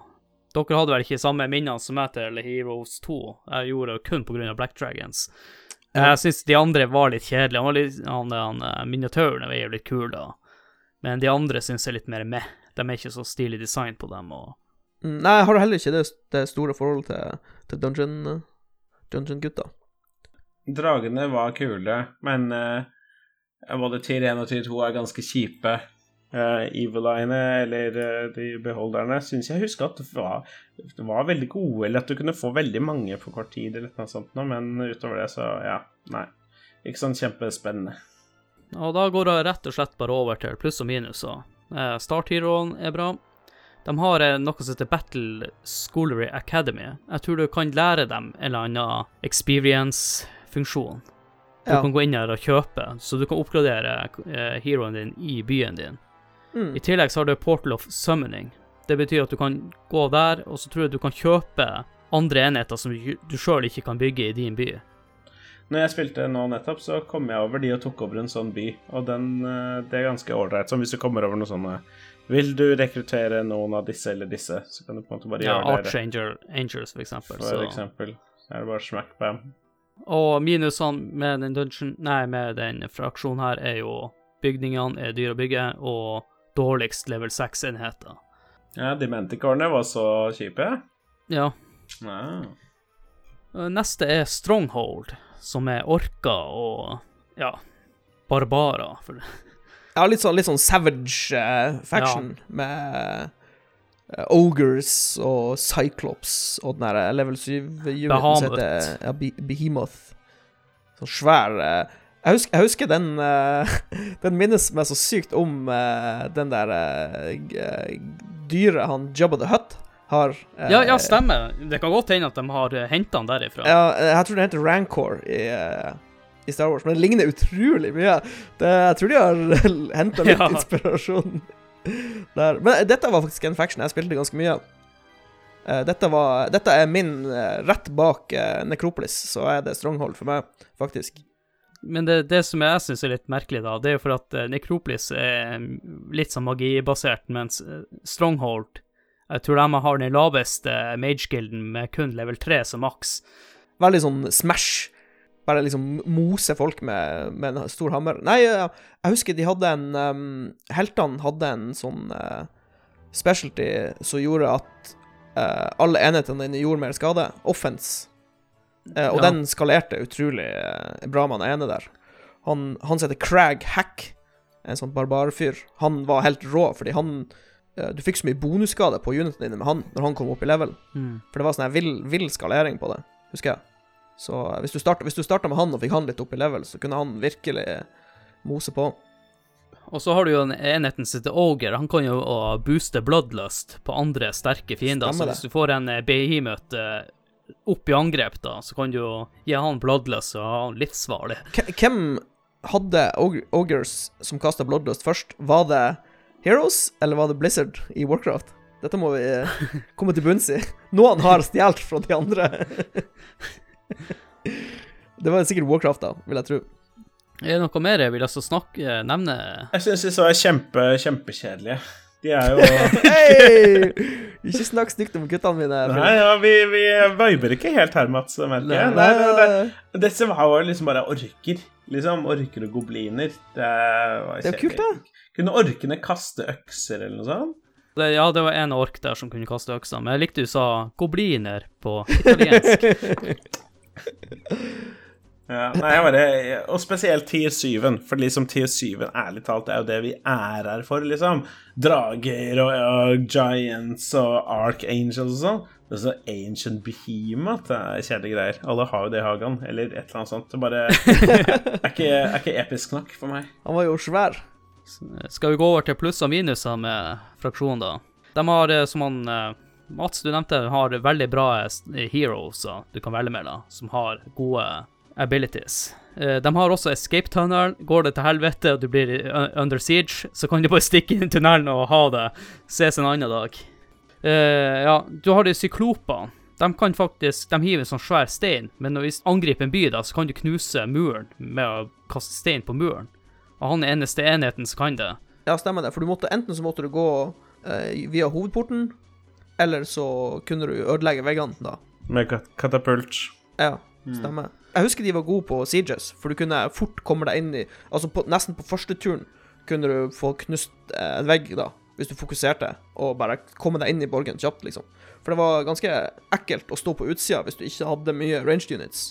Da, da blir du most. Ja, for alle de tingene du kan oppgradere, alt fra magi til eh, abilities Du har jo basic, og så har du noe medium-ting, så har du expert. Og på ekspert eh, ballistic, da kan du knuse alt med en gang. Og du kan velge sjøl hva du skal skyte. Ja, ja, stemmer det. Vi var jo innom minuset da til Stronghold, som var dårlig på magi. Sånn. Du har bare mage skill level 3 der. Og i tillegg så krever jo Behemuten og level 6 Thunderbirden, tror jeg, masse krystaller. Ja, de de... Og det er ikke alltid like lett å få tak i. Mm. Og da kommer vi til kanskje Jeg synes, jeg er ikke så særlig fan av dem. Det er Fortress. Sumpefraksjon. Det var, dette var vel den siste av uh, Original, før, ja. av originalfactionene før expansions. Nei, det var, var jo sånne her uh, Sånne øglekrigere og hydra. Hadde jo også litt sånne her uh, greske greier med Gorgon. Jeg vet ikke, er det gresk mytologi? Den der oksen? Ja, ja, jeg tror det. Kanskje. Ja. Men jeg har heller ikke noe Nei, jeg har spilt dem lite. Jeg har også spilt dem lite. Jeg synes eh, De har Hydraen jo stilig. Den kan også Det er en level 7-enhet som kan angripe i tre retninger. Litt sånn som den uh, Demon uh, Hountain som han Stemmer det. Jo, men jeg likte nevnte. Det er et godt poeng. Jeg likte de, for det um, Da fikk du liksom en ny dimensjon, på en måte, i, i, på griden, på en måte. Du, du kunne bruke ganske mye kule strategier, da. Med en ganske treg enhet, så du bør jo booste noe haste eller noe sånn magi på den for å få han fort i angrep. Ja, få de fram. Jeg syns disse var litt, eh, var litt stilige. Eller Dem syns du var stilig, vi syns ikke. Nå snakker vi språket mitt, holdt jeg på å si. Nei, det, halvparten av unitsene er ganske lame. Gnoll, Lizardman, Serpentfly er ganske lame. Hydron er kul, Viveren er kul, og Basilisken syns jeg egentlig er også litt, eh, litt artig. Ser ut som en kjip fyr, men du har ikke lyst til å møte den på veien hjem. Eh, jeg kan jo nevne positive og negative ting, men dem òg. Her kan du bygge level 6-enhetene veldig fort, da. Som jeg ikke husker helt i farta hva var. Eh, de har jo også en annen egenskap, da, siden sumpfolk, at de beveger seg veldig fort i sumpområder på kartene. Kontra alle andre. Det er jo som å gå i gjørme. Ja, ja, ja. For å ikke gå noe særlig langt. Minusene er jo De har også dårlig på magi, kun Mage Guild level 3 som maks. De har eh, bare enhet med rangeangrep, og så er det, tror jeg, kanskje en dårligst også. Og i tillegg så er det vanskelig å invadere andre borger pga. dårlige rangeenheter. mm. Og hydraen klarer jo ikke å fly over murer eller noe sånt, så den blir stående på andre sida ja, ja. til muren er knust. Stemmer. Men du har jo, du har jo litt sånne spells, jeg husker ikke om det var portal eller noe sånt, kan, eller teleportering. Stemmer det. Utility spills for å kompensere. Ja. Og siste er den som kom i ettertid, jeg lurer på om den kom i, under Armageddon's Blade, som er Conflux. De er, er jo en uh, fraksjon som uh, spiller på elementer. Du har jo enheter som er ja, fire element, wind element, water element. Uh, de har også den uh, Fuel Phoenix. Ja, til og med slengte For det er her liksom hele elemental-delen av spillet på en måte tar en hard left eh, og slenger inn psychic elemental der også, som en greie. Magic elemental, jeg vet ikke. Det, ja. Og mange mener at det her er den beste fraksjonen i hele spillet. Selvfølgelig. Og den kommer jo i expansion packen. Alle vet at det er av power creep, så er det som kommer i expansion packen best. Bare se på World of Warcraft. Men de Phoenixene er vel Er ikke de helt oppe? Jo, hvis de blir døde, så kan de gjenoppstå igjen. Dette er litt interessant, faktisk, fordi eh, jeg, har, jeg har ikke eh, sett de her konfliktskarene. For når vi eh, Jeg har ikke spilt Complete Edition. Jeg har, Å, ja. bare, jeg har bare spilt uh, Heroes 3, på en måte. Vanilla Heroes 3. Så dette, dette er helt nytt for meg, faktisk. Da er det opp til deg, Philip, å snakke om det her. Ja da, nei, eh, nei, jeg har spilt de heller ikke disse noe særlig mye, holdt jeg på å si. Jeg syns de, de Det var sånn Jeg husker at de dukka opp, og så virka de skikkelig kule, og, men så For meg så er det på en måte ikke OK, for en veldig ung Philip så er det ikke intuitivt at water elemental er sterkere enn air, og fire er sterkere enn water, og earth er sterkere enn fire og water og air, og så er psychic åpenbart bedre enn det igjen. Det var sånn, Jeg bare syns hele greia fremsto fremsto litt rotete, for å være helt ærlig. Konflux er en fraksjon jeg ikke klarer å spille med, for jeg er litt for dårlig på magibiten. Jeg er dårlig til å bruke magi og de elementene i spillet. Så for meg så funker ikke å spille med de her. Jeg er litt mer eh, ja, kanskje litt mer stronghold-spiller, eller castle, eller dem som ikke bruker så mye magi. For folk som er veldig gode med magi, er det her eh, ypperlig. Jeg var, også, jeg, var, eh, jeg var ikke så glad i å bruke den spillboka i Heroes, så jeg hadde også Castle og Stronghold liksom rett bak Necropolis. Necro Når jeg spilte Necropolis, da var det spills for alle pengene, Ja, men, uh, men, da, du, men de er litt lett å bruke spills på. De her er litt mer uh, Ja. Men vi kan jo bare snakke litt om eh, pluss og minuser med Konflux, da, siden det er en fraksjon vi s- åpenbart ikke har spilt, Ja. men både jeg og Philip ikke har spiller så mye med. Plusset er jo Phoenixen, som er den raskeste enheten i spillet. Det vil si at han trevler lengst på kartet. Det er en annen ting jeg også glemte å si, men jeg skal nevne etterpå, da. Ja, i hvert fall av, hvert fall av tier syvende så er den definitivt det raskeste. Og ja, kombiner det med noe haste-magi, og så Ja, da snakker vi butikk. Ja, så har det også mange enheter som er immun mot spells. Ikke sant? Det water-elementet du har der, er immun mot water magic, osv. Så. Mm. så du må tenke litt over når du slåss mot dem. De har også mange magimuligheter, som, som jeg nevnte nå, at eh, er du god på magi, så kan det her være riktig fraksjon for deg. Eh, Minusene med de her, det er at eh, alle range-enhetene, hvis du skal ha en range-enhet, må oppgraderes til level 2, for da kan du begynne å kaste ting. Før den tid så har du ingen som kan kaste eller skyte. Og så har de også den dårligste level 5-enheten, som jeg ikke husker helt i farta. Og så er det noen typer magi du sjøl heller ikke kan bruke pga. at du har så mange elementer i troppene dine. Det er en ting jeg har lyst til å få frem her. Conflux var ikke den første fraksjonen de hadde tenkt å bruke til Armageddon Blade. Det var faktisk en fraksjon som heter Heavenly Forge. Og den var litt mer sci- sci-fi-inspirert. Jeg har sett litt på nettene. En er jo en ork med flammekaster, og så har du en, eh, en nager, noe sånt, som har eh, eh, halvt dame og halvt tanks. Fantastisk. Ja, litt sånn flashy bygninger og sånne ting. eh. Fansen var ikke helt begeistra for det her, siden at de syntes ikke at det høyteknologiske passa inn i fantasy-delen av spillet. Så han ene der, mener jeg, som eh, holdt på med å lage en eh, fraksjon Hevlin Forge, han ble drapstrua og, og slutta i firmaet. Så var veldig betent. Men jeg tror det, jeg har sett video der man har klart å få inn Heavenly, Heavenly Forge, om det er gjennom mod eller eh, det vet jeg ikke. Så eh, det var egentlig fansen som forkasta den fraksjonen, og derfor kom Konflux inn i stedet for. Artig. Det var jeg ikke klar over. Nå, nå har jeg også lært at uh, Heroes-fansen på slutten av 90-tallet var hardcore. Ja. Hvis det kommer en faction de ikke liker, drapstrusler. ja. Jeg synes De hadde Grunt, som er foot, Grunt oppgraderer Foot Soldier, Cyberdead, som er en cyberzombie, Pyro, Pyromaniac, Stinger, Bruiser, hva nå enn det er for noe, Jump Soldier, som heter Jump Trooper, og så Tank, som var den Naga-tanken, som blir til Heavy Tank, og Juggernaut, som blir til en Dreadnought. Jeg vet ikke, jeg, jeg, jeg vet ikke det, det er unektelig ganske sært, men Nei, kanskje de hadde et poeng, fansen, da. Altså, det er jo litt rart å gå bort fra fantasy-elementet for én faction. Da burde du heller lagd et helt nytt spill, syns jeg. Ja, for det, går bort fra sjangeren. Ja, for den, liksom, det som er det sære, at det er på en måte ikke en faction som har reist fra fremtiden, eller noe sånt. Det det er bare Det er orker og gobliner, på en måte, og noen minotaurgreier. Bare at liksom Men bare at liksom disse, Denne minotauren har liksom OK, vi smekker på han en flamethrower, og så sender vi den ut i felten, liksom. Ja.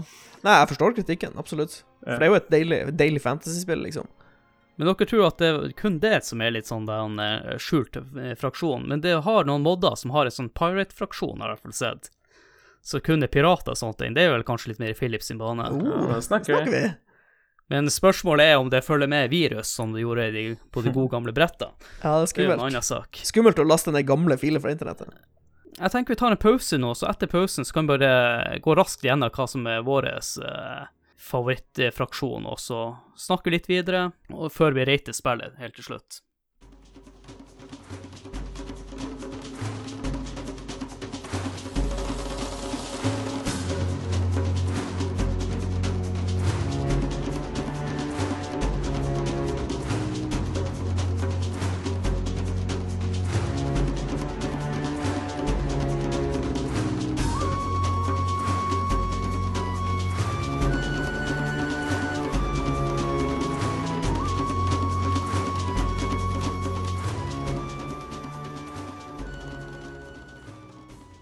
Da fortsetter vi.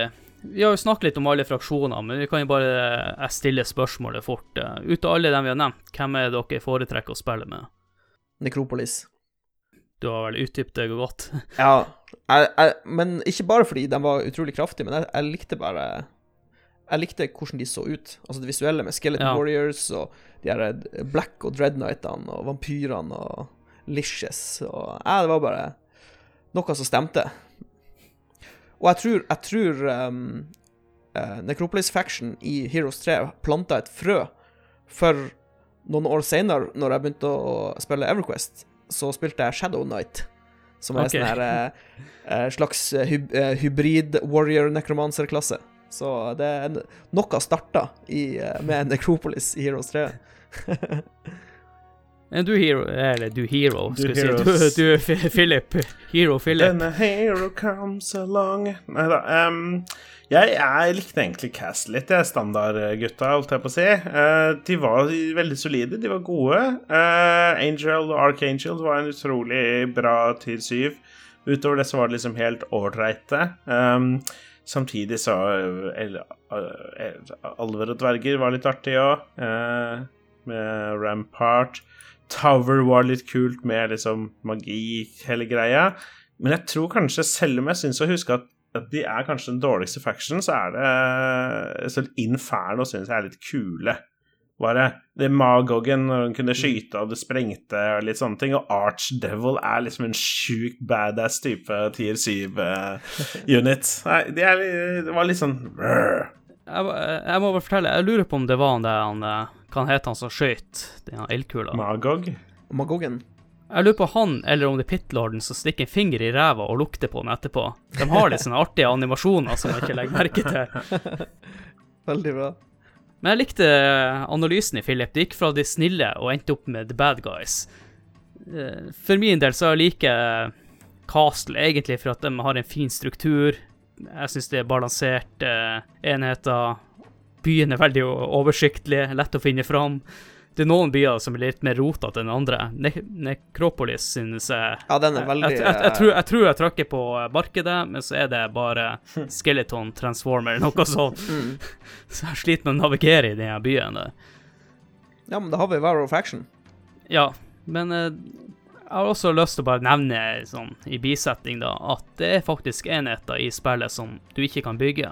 Som eksempel Rogue, tyver, eh, Azure Dragons, som er ufattelig sterk, og Fairy Dragons, som er drager som faktisk kan kaste magi.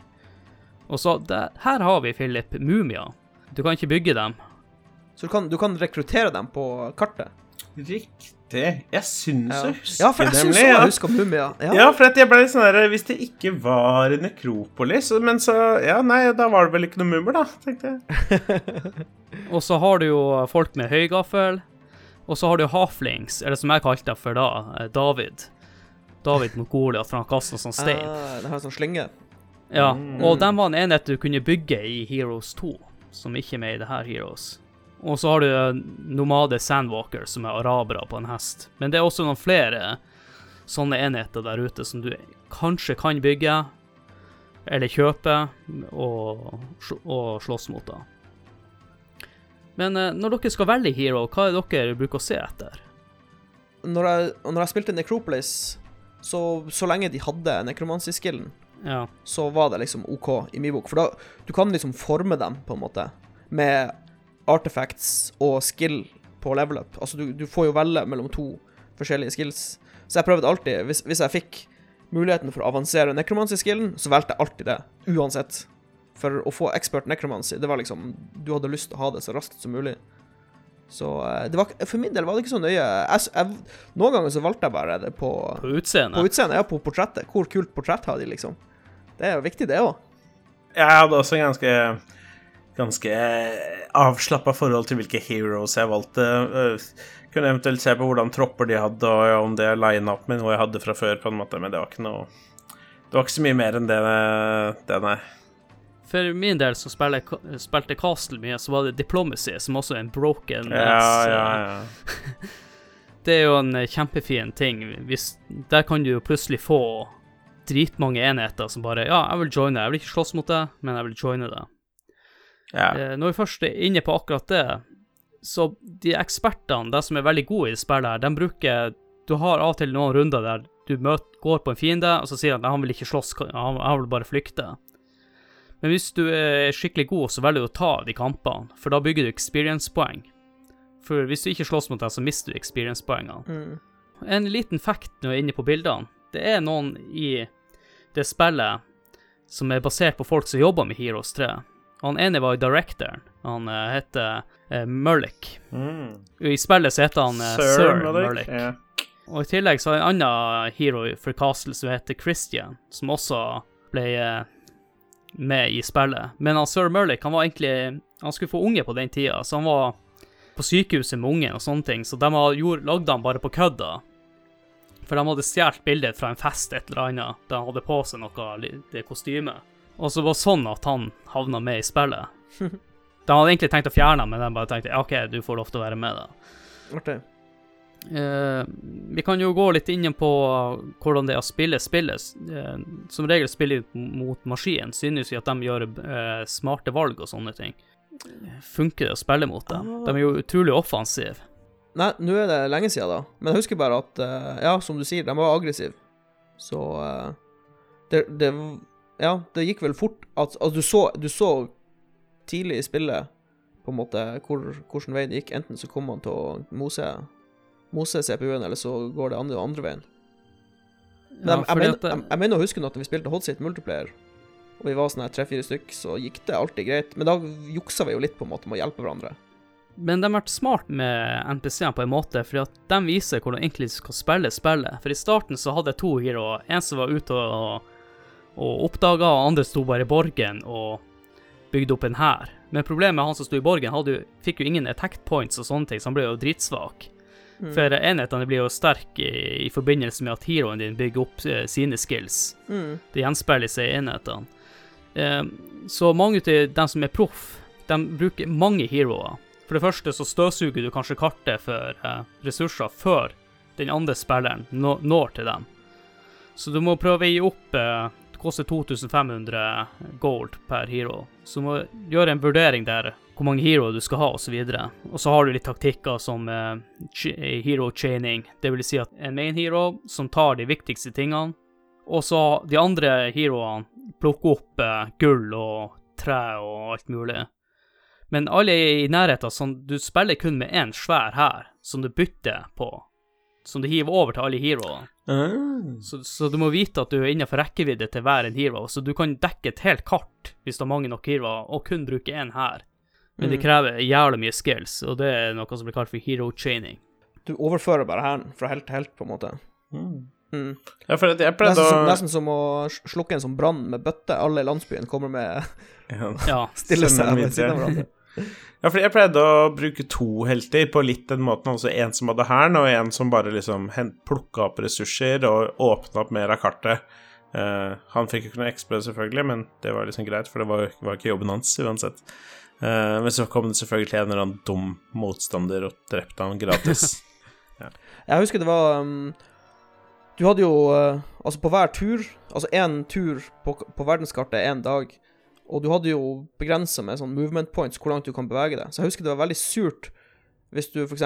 gikk eh, vestover med helten din for å plukke opp sånne snacks, sånn kiste og ressurser, Mm.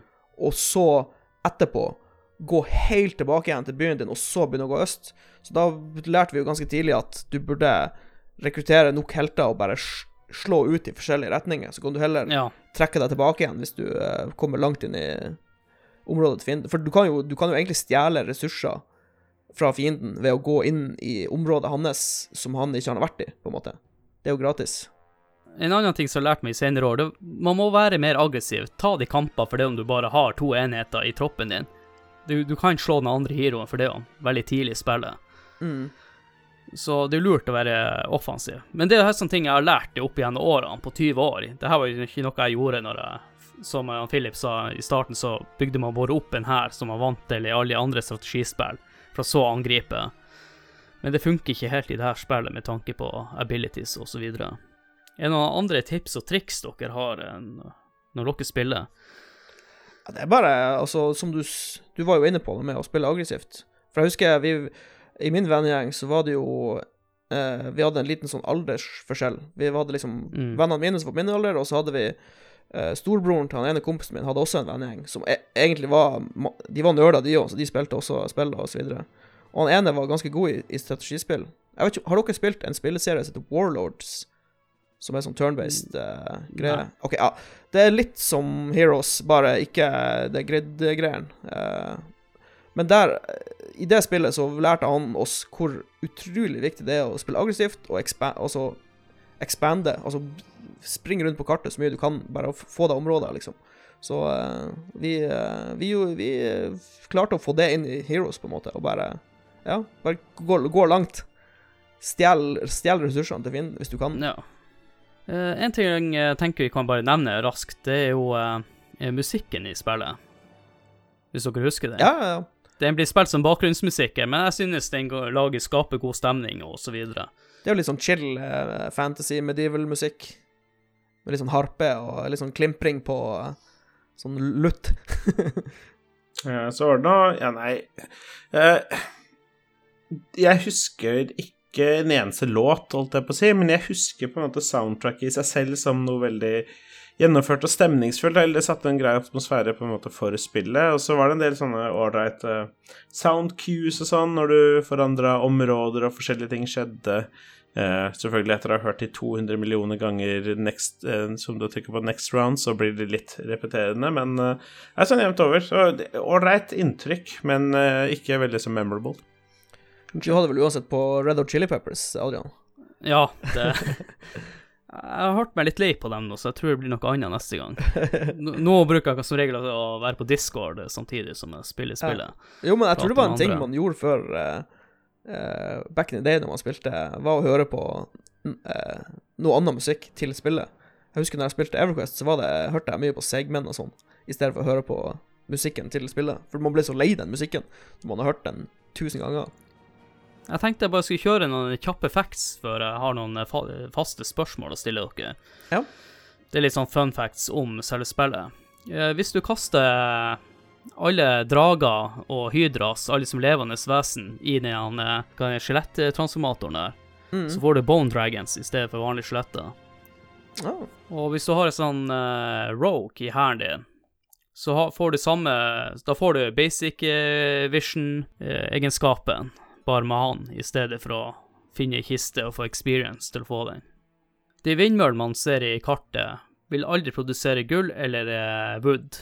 Ja, for de skal egentlig ha sånn random ressurs. Hører ikke? Ja, Ja. det Stemmer. Og det her var en litt smart taktikk, i hvert fall med maps med lange kystlinjer. Om du graver langs eh, strandkanten, så gjør det at eh, båter ikke kan gå i land der. Mm. Du kan egentlig blokkere, liksom. Kysten. Ja. Det visste jeg ikke. Artig. Og så vi snakker om Kentauren i stad. Han har faktisk eh, i spillet skytelyder og skytesprites. Så på et tidspunkt så lurer jeg på om kanskje at han skulle kaste noe. Mm, og så bytter de på det. Hvis du trykker tab i spillet og skriver 'go solo', så vil spillet automatisk begynne å spille av seg sjøl. Du kan jo besøke steder som gir deg løkk, om igjen, da. Mange ganger vi går på de plassene og tenker ja, da har jeg vært der og ikke kan gå dit igjen. Men du kan faktisk gjøre det etter å ha vært i kamp. Ja, for det står vel, hvis hvis ikke jeg husker feil, når du har vært på en plass, så står det vel i parentes at du har vært der, eller noe sånt. Visited eller et eller annet. Men etter du har vært i kamp, så kan du gå tilbake til de plassene. Ja. Ja, noen av de. Eh, Jeg har en bonus som gjelder fram til next eh, battle, holdt jeg på å si. Mm. Eh, så har du jo en eh, disguise-spill, da. Det funker ikke mot maskin. Når du kun spiller mot maskin. Jukse. Og her er noe jeg sjelden bruker å finne i spillet, Den hellige gral. Hvis du frakter Den hellige gral og blir drept eller gjør retrett osv., så, videre, så blir Den hellige gral borte. Ah. Ja, for det er vel noen eh, scenarios hvor en objective er at du skal få den, eh, få tak i den. Og så gir han deg 50 ekstra gull, noe er helt sinnssykt. Ja, altså, det er en bygning man kan bygge når man får den òg, ja. Er det ikke en Ja. sånn spesialbygning som gir en sånn mega-boost til alt? Og så er det faktisk Du var innom han, Ja. eller han eller hun Kyrre i stad. Men det er flere karakterer som heter Pasies, Synkia, Tuvnar, Khalid, Kyrre, som du nevnte, og Si, som er kvinnelige heroer, men i portrettene kanskje kan også forveksles for å være menn. Veldig bra. en siste ting som er lurt. Det er at uh, hvor raskt, eller hvor langt din hero kan bevege seg, avhengig av hvem du har i, i hæren din. Hvis du har en uh, enhet med lang range, så kan du faktisk springe lenger, og hi- hvis du hiver utallige trege enheter. Jøss. Det visste jeg ikke. Det var jeg faktisk ikke klar over. Så hvis, så hvis du bare har stacks med sånn super high mobility units, så kan du gå lenger, Ja. rett og slett. Det var jeg ikke klar over. For du får jo andre Du får jo sånne her, uh, skills og artifacts som også kan booste den speeden din på kartet, vet jeg. Jeg tenkte at uh, jeg skulle stille ett spørsmål før vi tar en ny pause. Det er Heroes 3 føler at det var peaken i denne spillserien. Og etter den begynte å gå mer i 3D, så jeg og Philip vi slutta å spille det, og uh, Mats spilte vel heller ikke 4 og 5 og 6 og Jeg spilte femmer litt, faktisk. OK. Mm. Men jeg bare tenker sånn eh, raskt Hva dere tror skal til for å redde den serien her, og få den tilbake igjen? Jeg vet ikke Bare en uh, Kjør Altså, det er ikke I mine øyne så er det ikke automatisk fy-fy uh, å kjøre noen 3D-modeller inn. Det tror jeg ikke. Men uh, jeg tror du må være um, Prøve å ha litt Litt, ka- sånn karisma. Litt sånn her eh, Jeg vet ikke At du har en identitet, på en måte. At du får den looken tilbake igjen. Mm. At, at du, når du ser på unitene, så tenker du dette er Heroes 3 i ny drakt. Hvis det går an. Det må jo gå an. Ja, jeg syns det er vanskelig, fordi jeg tror liksom det henger med den type spill, da. Det begynner Eller, jeg vet ikke, jeg er jo ikke spillskaper, men jeg liksom Det er kanskje ikke så mange måter å gjøre denne formelen på på nytt, eh, holdt jeg på å si, selv om de har gitt ut 400 000 spill. Eh, så i forhold til hvordan redde det Jeg vet ikke. Heroes 3 står jo veldig sterkt for oss fordi det var på den riktige tida i Ja. livet med de riktige menneskene og sånne ting. Eh, Eh, sånn, så, så jeg hadde egentlig mest lyst til å si at denne type spill, det, gameplayet, er kanskje litt utdatert. Samtidig, jeg blei jo sittende og trykke next, next round, next round, next round når jeg spilte det sist nå selv, og de siste ukene så har jeg blitt helt opphengt i et uh, veldig undervurdert spill som heter Snowrunner. Så det er jo på en måte det at ting som er bare litt tungvinte og sakte, ikke nødvendigvis ikke er gøy eh, å holde på med, så ja, nei. Kanskje, kanskje Battle Royale Heroes? Det jeg tenker på nå, det er en annen spillserie som har slått seg veldig høyt opp. Det er Total War og Total War Warhammer. Ja, fantastisk. Det er ganske likt på mange måter. Jeg har ikke spilt det sjøl, men eh, det er veldig likt. Så det kan godt hende at de blir overkjørt på det. Det- Total War Warhammer er faktisk det beste Total War-spillet, spør du meg. Er ikke det Men er det realtime, eller er det turbosert? Eh, Det er begge deler. Du har, okay. Det er litt sånn som Heroes, faktisk. For du har et sånn verdenskart som er turbasert, og når, du, er- når det er kamp, så er det real time, da. Men du kan pause og gi ordrer til enhetene dine og sånn. Så det er liksom real-time med pause i battle mode. Ok, real-time light. Mm. Eh, en liten ting før vi tar en pausen. Det er en liten fact, da. Hvis dere også cheater i spillet, så kan dere jo sjekke filmer som, eh, som er Matrix og Star Wars episode 1. De kodene har referanse til de filmene. Så lykke til.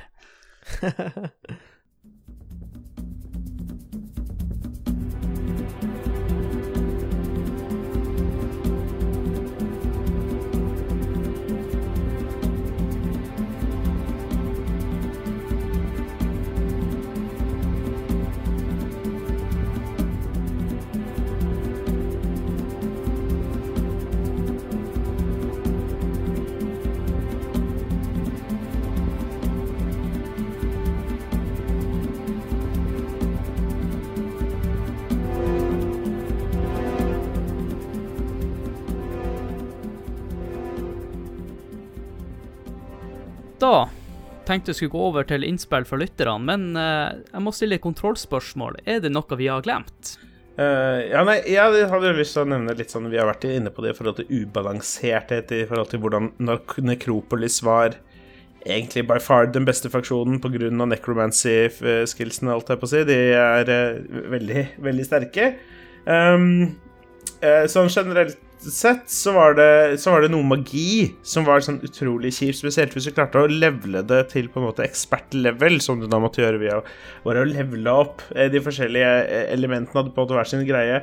Hvis du fikk Earth Magic til, eh, til Max, så kunne du kaste Og du kaste slow, som i og for seg, i og for seg ikke er særlig imponerende, så uh, det, det Beklager. Expert-levelet gjør enkelt og greit at den går på alle fiendene dine, og da ha alle sammen som bare labber rundt her.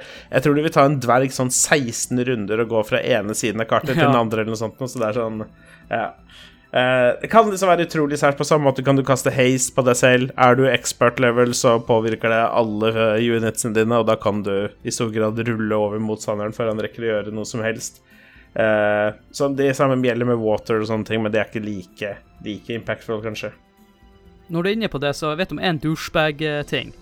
Du kan ta to sånne flammegenier som Inferno har, og så kaster du Armageddon. For de tåler Armageddon, så du kan ha én enhet å gå inn i kampen med. Du kan slå ut hele deres hær med, med at du kun har én enhet, for han tåler flamme. Ja, eh, der skal du være litt heldig, holdt jeg på å si, fordi den Armageddon, den ska, Armageddon skader alle units på kartet ganske mye.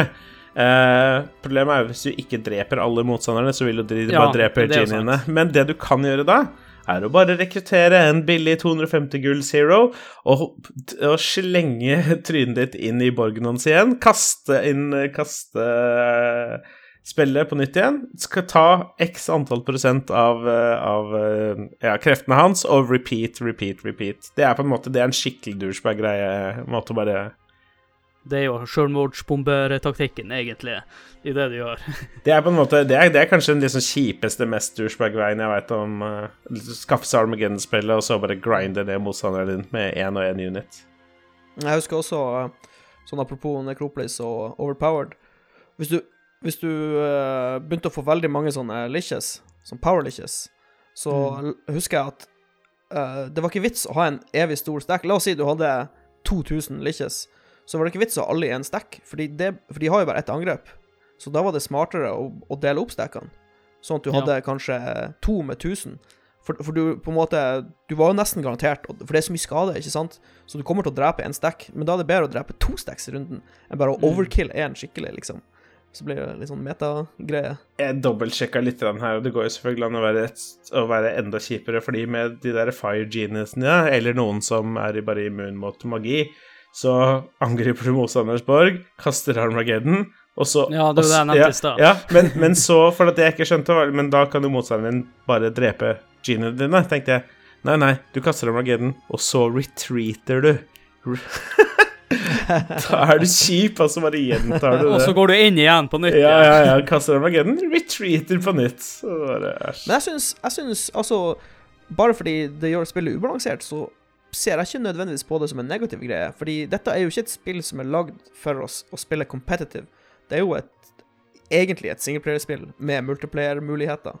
Så jeg, jeg, Ja. syns det bare er morsomt med litt sånne broken komboer i sånne spill. Jeg syns bare det er sjarmerende. Så lenge du ikke skal ha noe sånn VM i det, liksom. Men det belønner jo folk som er flinke i spillet. Mm. Du, du må jo finne ut av det, du må jo utforske det for å finne ut av det. Så det gjør jo at spillet blir mye større. Mm. Og så må du bare tenke på ja, hvor mye har jeg lyst til å ha æra i behold? Hvor mye har jeg lyst til å cheese? Ja, nei, jeg er for så vidt enig i alt det. Det gir på en måte spillet bare en sånn ekstra magi. Eh, eh, apropos magi, eh, er det level 5, Dimension Door, som du kan bruke til å teleportere deg rundt på kartet med. Eh, og da kan du på en måte, jeg tror, firedoble hvor stor range du har i forhold til hva du ellers ville hatt hvis du bare hadde løpt rundt eller noe sånt. Da, ja. Det kan være litt ekkelt. Har vi fått sagt det vi ville si nå? Ja. Jeg spurte jo om eh, det var noen som hadde noen eh, morsomme minner å dele med oss.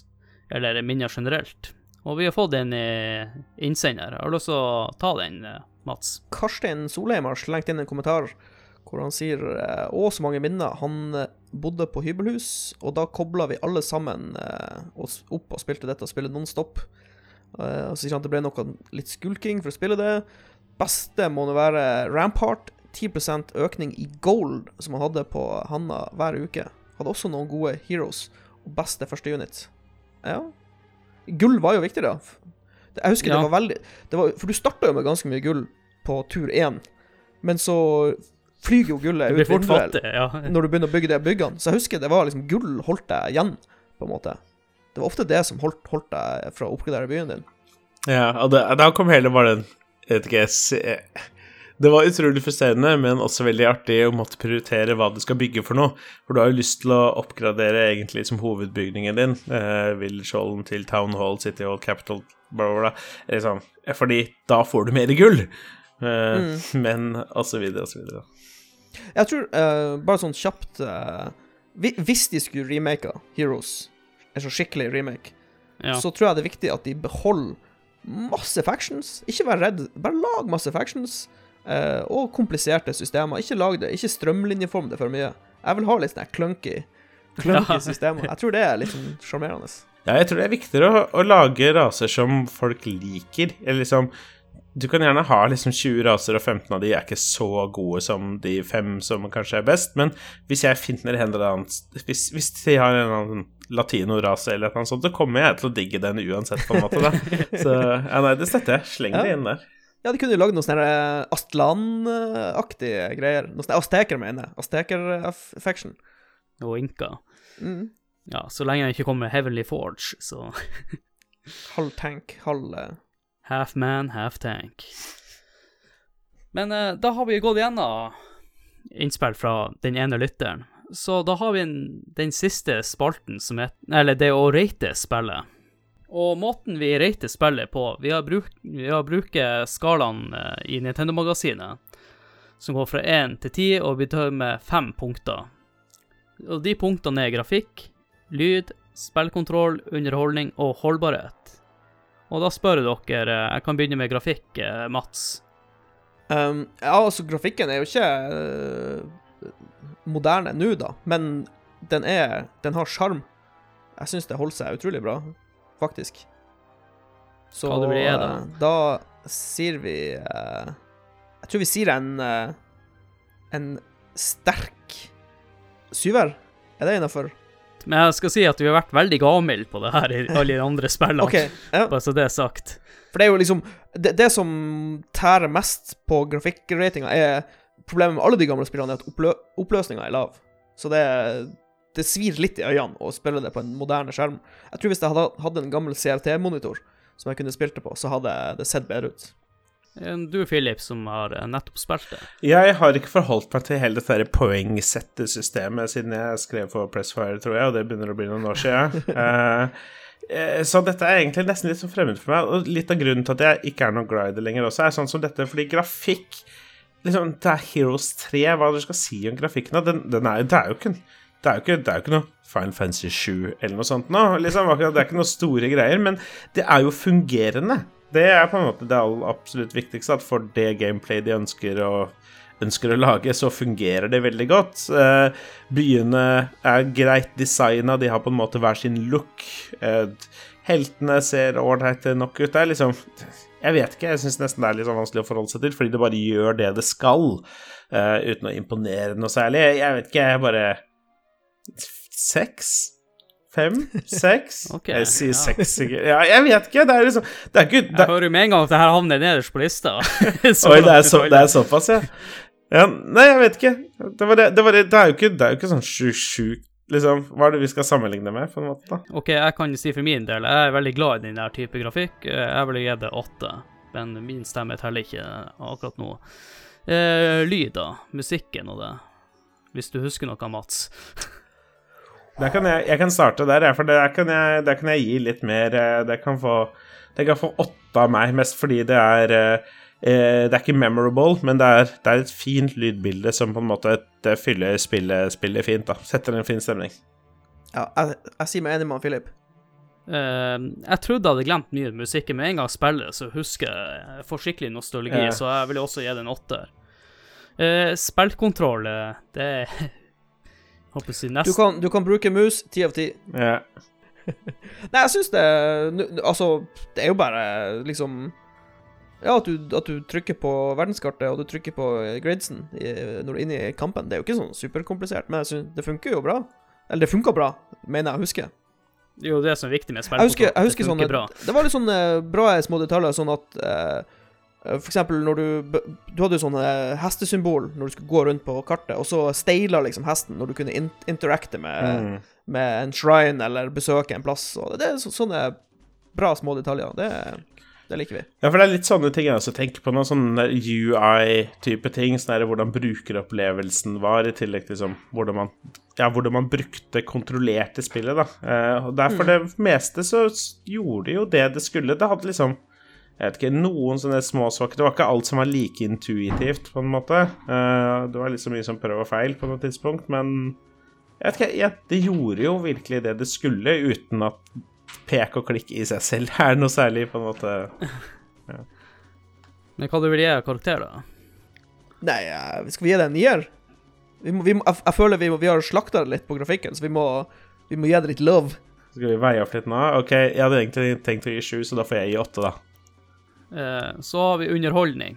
Det vi var litt inne på det i stad. Ett klikk til. Ikke det som eh, Ja, her, her scorer det Ja, ikke sant? Det er her, fordi at det er her jeg skal veie opp på underholdning og holdbarhet til disse to siste kategoriene, fordi her er jo det er her styrken til spillet, til spillet virkelig ligger. Eh, det er kanskje litt vanskelig for noen å komme seg inn i som aldri har vært borti det før og ikke har tålmodigheten til en tenåring, men det er jo kjempeartig å bare sitte og klikke og trykke og finne forskjellige måter å gjøre ting på, og bygge hæren sin og se at du får flere og flere av disse unitsene, og at du endelig klarer å ta den tingen og bla, bla, bla, bla. bla. Nei, jeg, det er- er veldig gøy å spille. Det er jo det. Kom igjen, gi det ti. Gi det ti. ti. Jeg får høre på Mats først. Jeg kan gi det ti. Jeg syns det har eh, Eller eh, faen, jeg har jo ikke spilt det for lenge. Men, men altså vi, uh, vi Ja, men det, det, det holdbarhet kommer det du nevnte nå. Her er underholdning. Så, sånn, ja. Underholdning. Ja, underholdning ti av ti. Uten tvil. Altså, det var det, Heroes 3 er en, eh, en hjørnestein i min eh, gamingkarriere tidlig. Så lett tier på underholdning. Samme hos meg. Det er vanskelig å komme unna. Det er, det er så artig å spille. Ja, det her er en av mine favorittspill ever, så jeg vil også gi det ti. Eh, Siste er holdbarhet, og det er hvordan spillet eldrer seg, eh, er like bra i dag som det var før, osv. Der er det to aspekter, føler jeg. Eh, Det ene som er veldig positivt, er hvor, hvordan det har eldet seg. Det har jo nesten ikke det. Plukket opp i dag Men, og Beklager. Ja, jeg vil bare nevne litt. sant? Dette er en gammel karakterskala som henta fra Nintendo-magasinet til Håkon i 1992. Så det er jo litt sjarm. Det, det de egentlig mente med det her, var egentlig replay value. Men eh, ordet holdbarhet passer bedre nå når vi snakker om i retroperspektivet. Ja, for det var det jeg tenkte på, liksom hvordan det har forskjellige aspekter av seg. Fordi både én ting er hvordan det elder seg, siden det på en måte er et retrospill, eh, og der scorer det kjempehøyt, fordi du plugger det inn og setter i gang, og så er det samme magi som det det var før. Jeg tror Sånn sett har det holdt seg veldig godt. Eh, det, Eh, Men eh, vi trenger ikke diskutere replay-verdien, for jeg tenker den havner under underholdning. Ja, korrekt. Ja, ja, for at der er jeg litt sånn semidel. Fordi det, det er den bare én runde til-greia som gjør at du bare du vil spille mer og mer og mer og sånne ting. Samtidig merker jeg at når jeg har brukt x antall timer på liksom ett scenario eller ett stort brett, så, det, så blir jeg litt mett noen ganger. Men ja, dagen etter så starter man jo opp igjen. Hva du vil gi det på holdbarhet, da, du som akkurat har spilt det? Uh, jeg skal si det etter at Mats har sagt noe. Ja, det Mats som ikke, ikke, ikke har spilt det. Jeg kan godt hjelpe deg jeg, der, så, da. jeg så på en YouTube-video, så jeg må jo bare channele meg sjøl inn i han fyren da, og late som jeg var han som spilte. Men jeg, jeg, tror, jeg tror det er null problem å spille Altså at det holdt seg bra, syns jeg, da. Ut ifra det jeg husker og det jeg så, liksom. Så jeg kan eh, Ja. Min, min score burde veie halvparten av Philip sin, men jeg har lyst til å si åtte. Ja. Nei, jeg er nesten åtte eller ni. Det, vi, sl vi slår til med en nier. Vi er litt snille. Vi er litt runde i kantene. Jeg trekker mest for at man, man, man kan bli litt sliten på det. Man kan, eller jeg er litt, eh, litt mett. Men eh, det er jo kjempegøy å holde på med. Holdbarhet vil jeg gi ti, for jeg syns det er like bra de gangene jeg tar det opp igjen. Mm. Ja. Mm. Det har ikke blitt gammelt for meg. Jeg syns det her er mye bedre enn mange andre splitter nye spill. Mm. Og vi kan jo også eh, takke gog.com, som har fiksa det for oss i senere tid. Ja, jeg tror jeg må flyge inn og kjøpe det der. Ja, det, Ja. eh, Og, jeg, ser, jeg ser jo liksom den greia, men jeg bare tror at grunnen til at jeg gir et, et karakter eller to mindre enn deg på holdbarhet, er liksom fordi jeg gir jo Final Fantasy 7 holdbarhet ti av ti, fordi du kan spille om og om og om igjen, og det er kjempegøy. Men, Det kan jo her ja, men, men tingen er at jeg, jeg, jeg på en måte anerkjenner at vanlige mennesker med på en måte et vanlig forhold til liksom hobbyen sin ikke kan spille Final Fantasy 7 om og om, og om igjen og ha det gøy, da. At det på en måte er litt unikt for meg. Eh, eh, så det er det som på en måte trekker det litt ned for meg, men, men det er jo kjempegøy å bare ta en runde til, ta et scenario til. Det er, det er veldig artig. Det er det. Egentlig så burde epi episodeteksten for episoden vært 'ta en runde til'. Ja, bare en runde mm. til. runde til. Mm. Bare en runde til. Ja, det er et konsept som jeg, som jeg syns er veldig spennende, med hvordan noen spiller bare klarer å bygge opp denne greia. At du, bare én runde til, og Heroes er sjukt gode på det. Kanskje man skulle lagd en bonusepisode en gang i framtida som heter 'En runde til', og snakke kun om spill som har denne mekanismen. Ja, da Ja, snakker vi. Kanskje, det, kanskje det blir en gang i framtida. Ja. Ja. Der kan du ha Total War òg, faktisk. Hør, hør på nå, Mats. Nå er, nå er, nå, nå er det på nå. Og så bare drar oss sakte, men sikkert ut av Lolba for oss til å bare eh, avsløre alle de beste konseptene våre her. Og så bare Å ja, mm, dette blir gøy. Det blir En kul spesialepisode.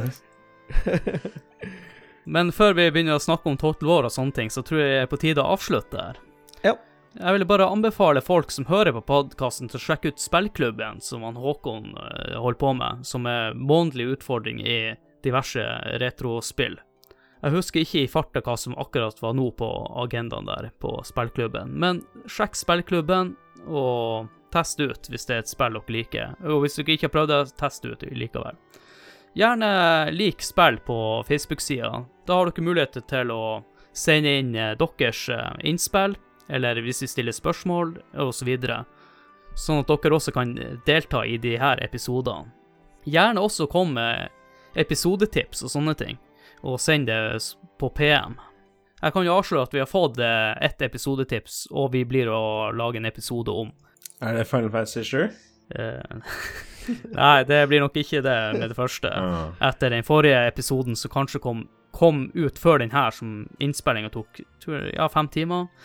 Så jeg vil ikke tenke på det akkurat nå. Kanskje senere anledning. Og måten å støtte podkasten på, det er å tipse venner og bekjente om podkasten, rett og slett. Og abonner og på deres foretrukne podkastplattform. Og så har jo han Håkon ordna oss en Discord-kanal. Gjerne join den og bli med på praten der. Altså Twitch. Altså Twitch. Ja, Twitch har vi også fått. Takk for hjelpa, Philip. Jeg er ikke så inne på Twitch ennå. Jeg har håper stor kontroll på det her. Ja, jeg bare merker at jeg synes så synd på deg. Du bare sitter og drar deg gjennom den der eh, Å ja, nå må jeg, så må jeg nevne det, og så må jeg nevne det, og så bare Ja. Når du nevner Twitch, så har jeg planer også om å streame litt etter hvert, når jeg finner ut av teknologien. Ja, du kan, du kan allerede mer enn meg på Twitch. Hvis du har lagd, hvis du har lagd en kanal, liksom. Nei, jeg har ikke laget en kanal, jeg har ikke gjort noe. Ah, ja, OK. Ja, da, da, Så da kan kan du ikke mer enn meg. Nei. Og da vil jeg egentlig bare si eh, takk til deg, Mats, for at du kunne stille opp og være med. Ja, bare hyggelig. Og så vil jeg si takk til han Philip, som faktisk orka være med etter de fem, den fem timer lange episoden. Bare hyggelig, Adrian. Eh, Det føles veldig godt å runde tosifra antall timer med spill. Eh, Ja. Det, det, det er bare artig. Nei, det er veldig hyggelig å være tilbake. Veldig artig å få lov til å nerde ut om en gammel klassiker som eh, vi kasta bort utallige timer på i barndommen. Spill er en veldig hyggelig greie, så det er veldig morsomt, å- morsomt å få komme over hit og være gjest her, altså. Ja, nå føl, føler jeg vi fikk, eh, vi fikk liksom reversert litt det som skjedde i World of Warcraft-episoden, hvor jeg og Philip satt bare og prata masse greier, og så var du liksom passasjer, og nå liksom reverserte vi litt. Så jeg føler det, ja, bra symmetri. Mm, god balanse. Ja, og så vil jeg også si at det var veldig bra at dere kunne stille opp, fordi at denne episoden ble faktisk lagd for over et år siden. Jeg har bare slitt litt med å få tak i folk som faktisk har spilt Heroes 3. Jeg ble jo litt overraska over hvor lite folk som Oi. hadde spilt det, som jeg kjente. Det overrasker meg ja. Ja. Så det her, eh, ja Holdt på å si en episode som lå på hylla, men endelig fikk vi lagd denne episoden. Kult. Så tusen takk for at dere eh, ville være med og snakke om en av mine favorittspill. Ja. Bare hyggelig. Bare hyggelig. Og med det så vil jeg bare si ha det! Ha det!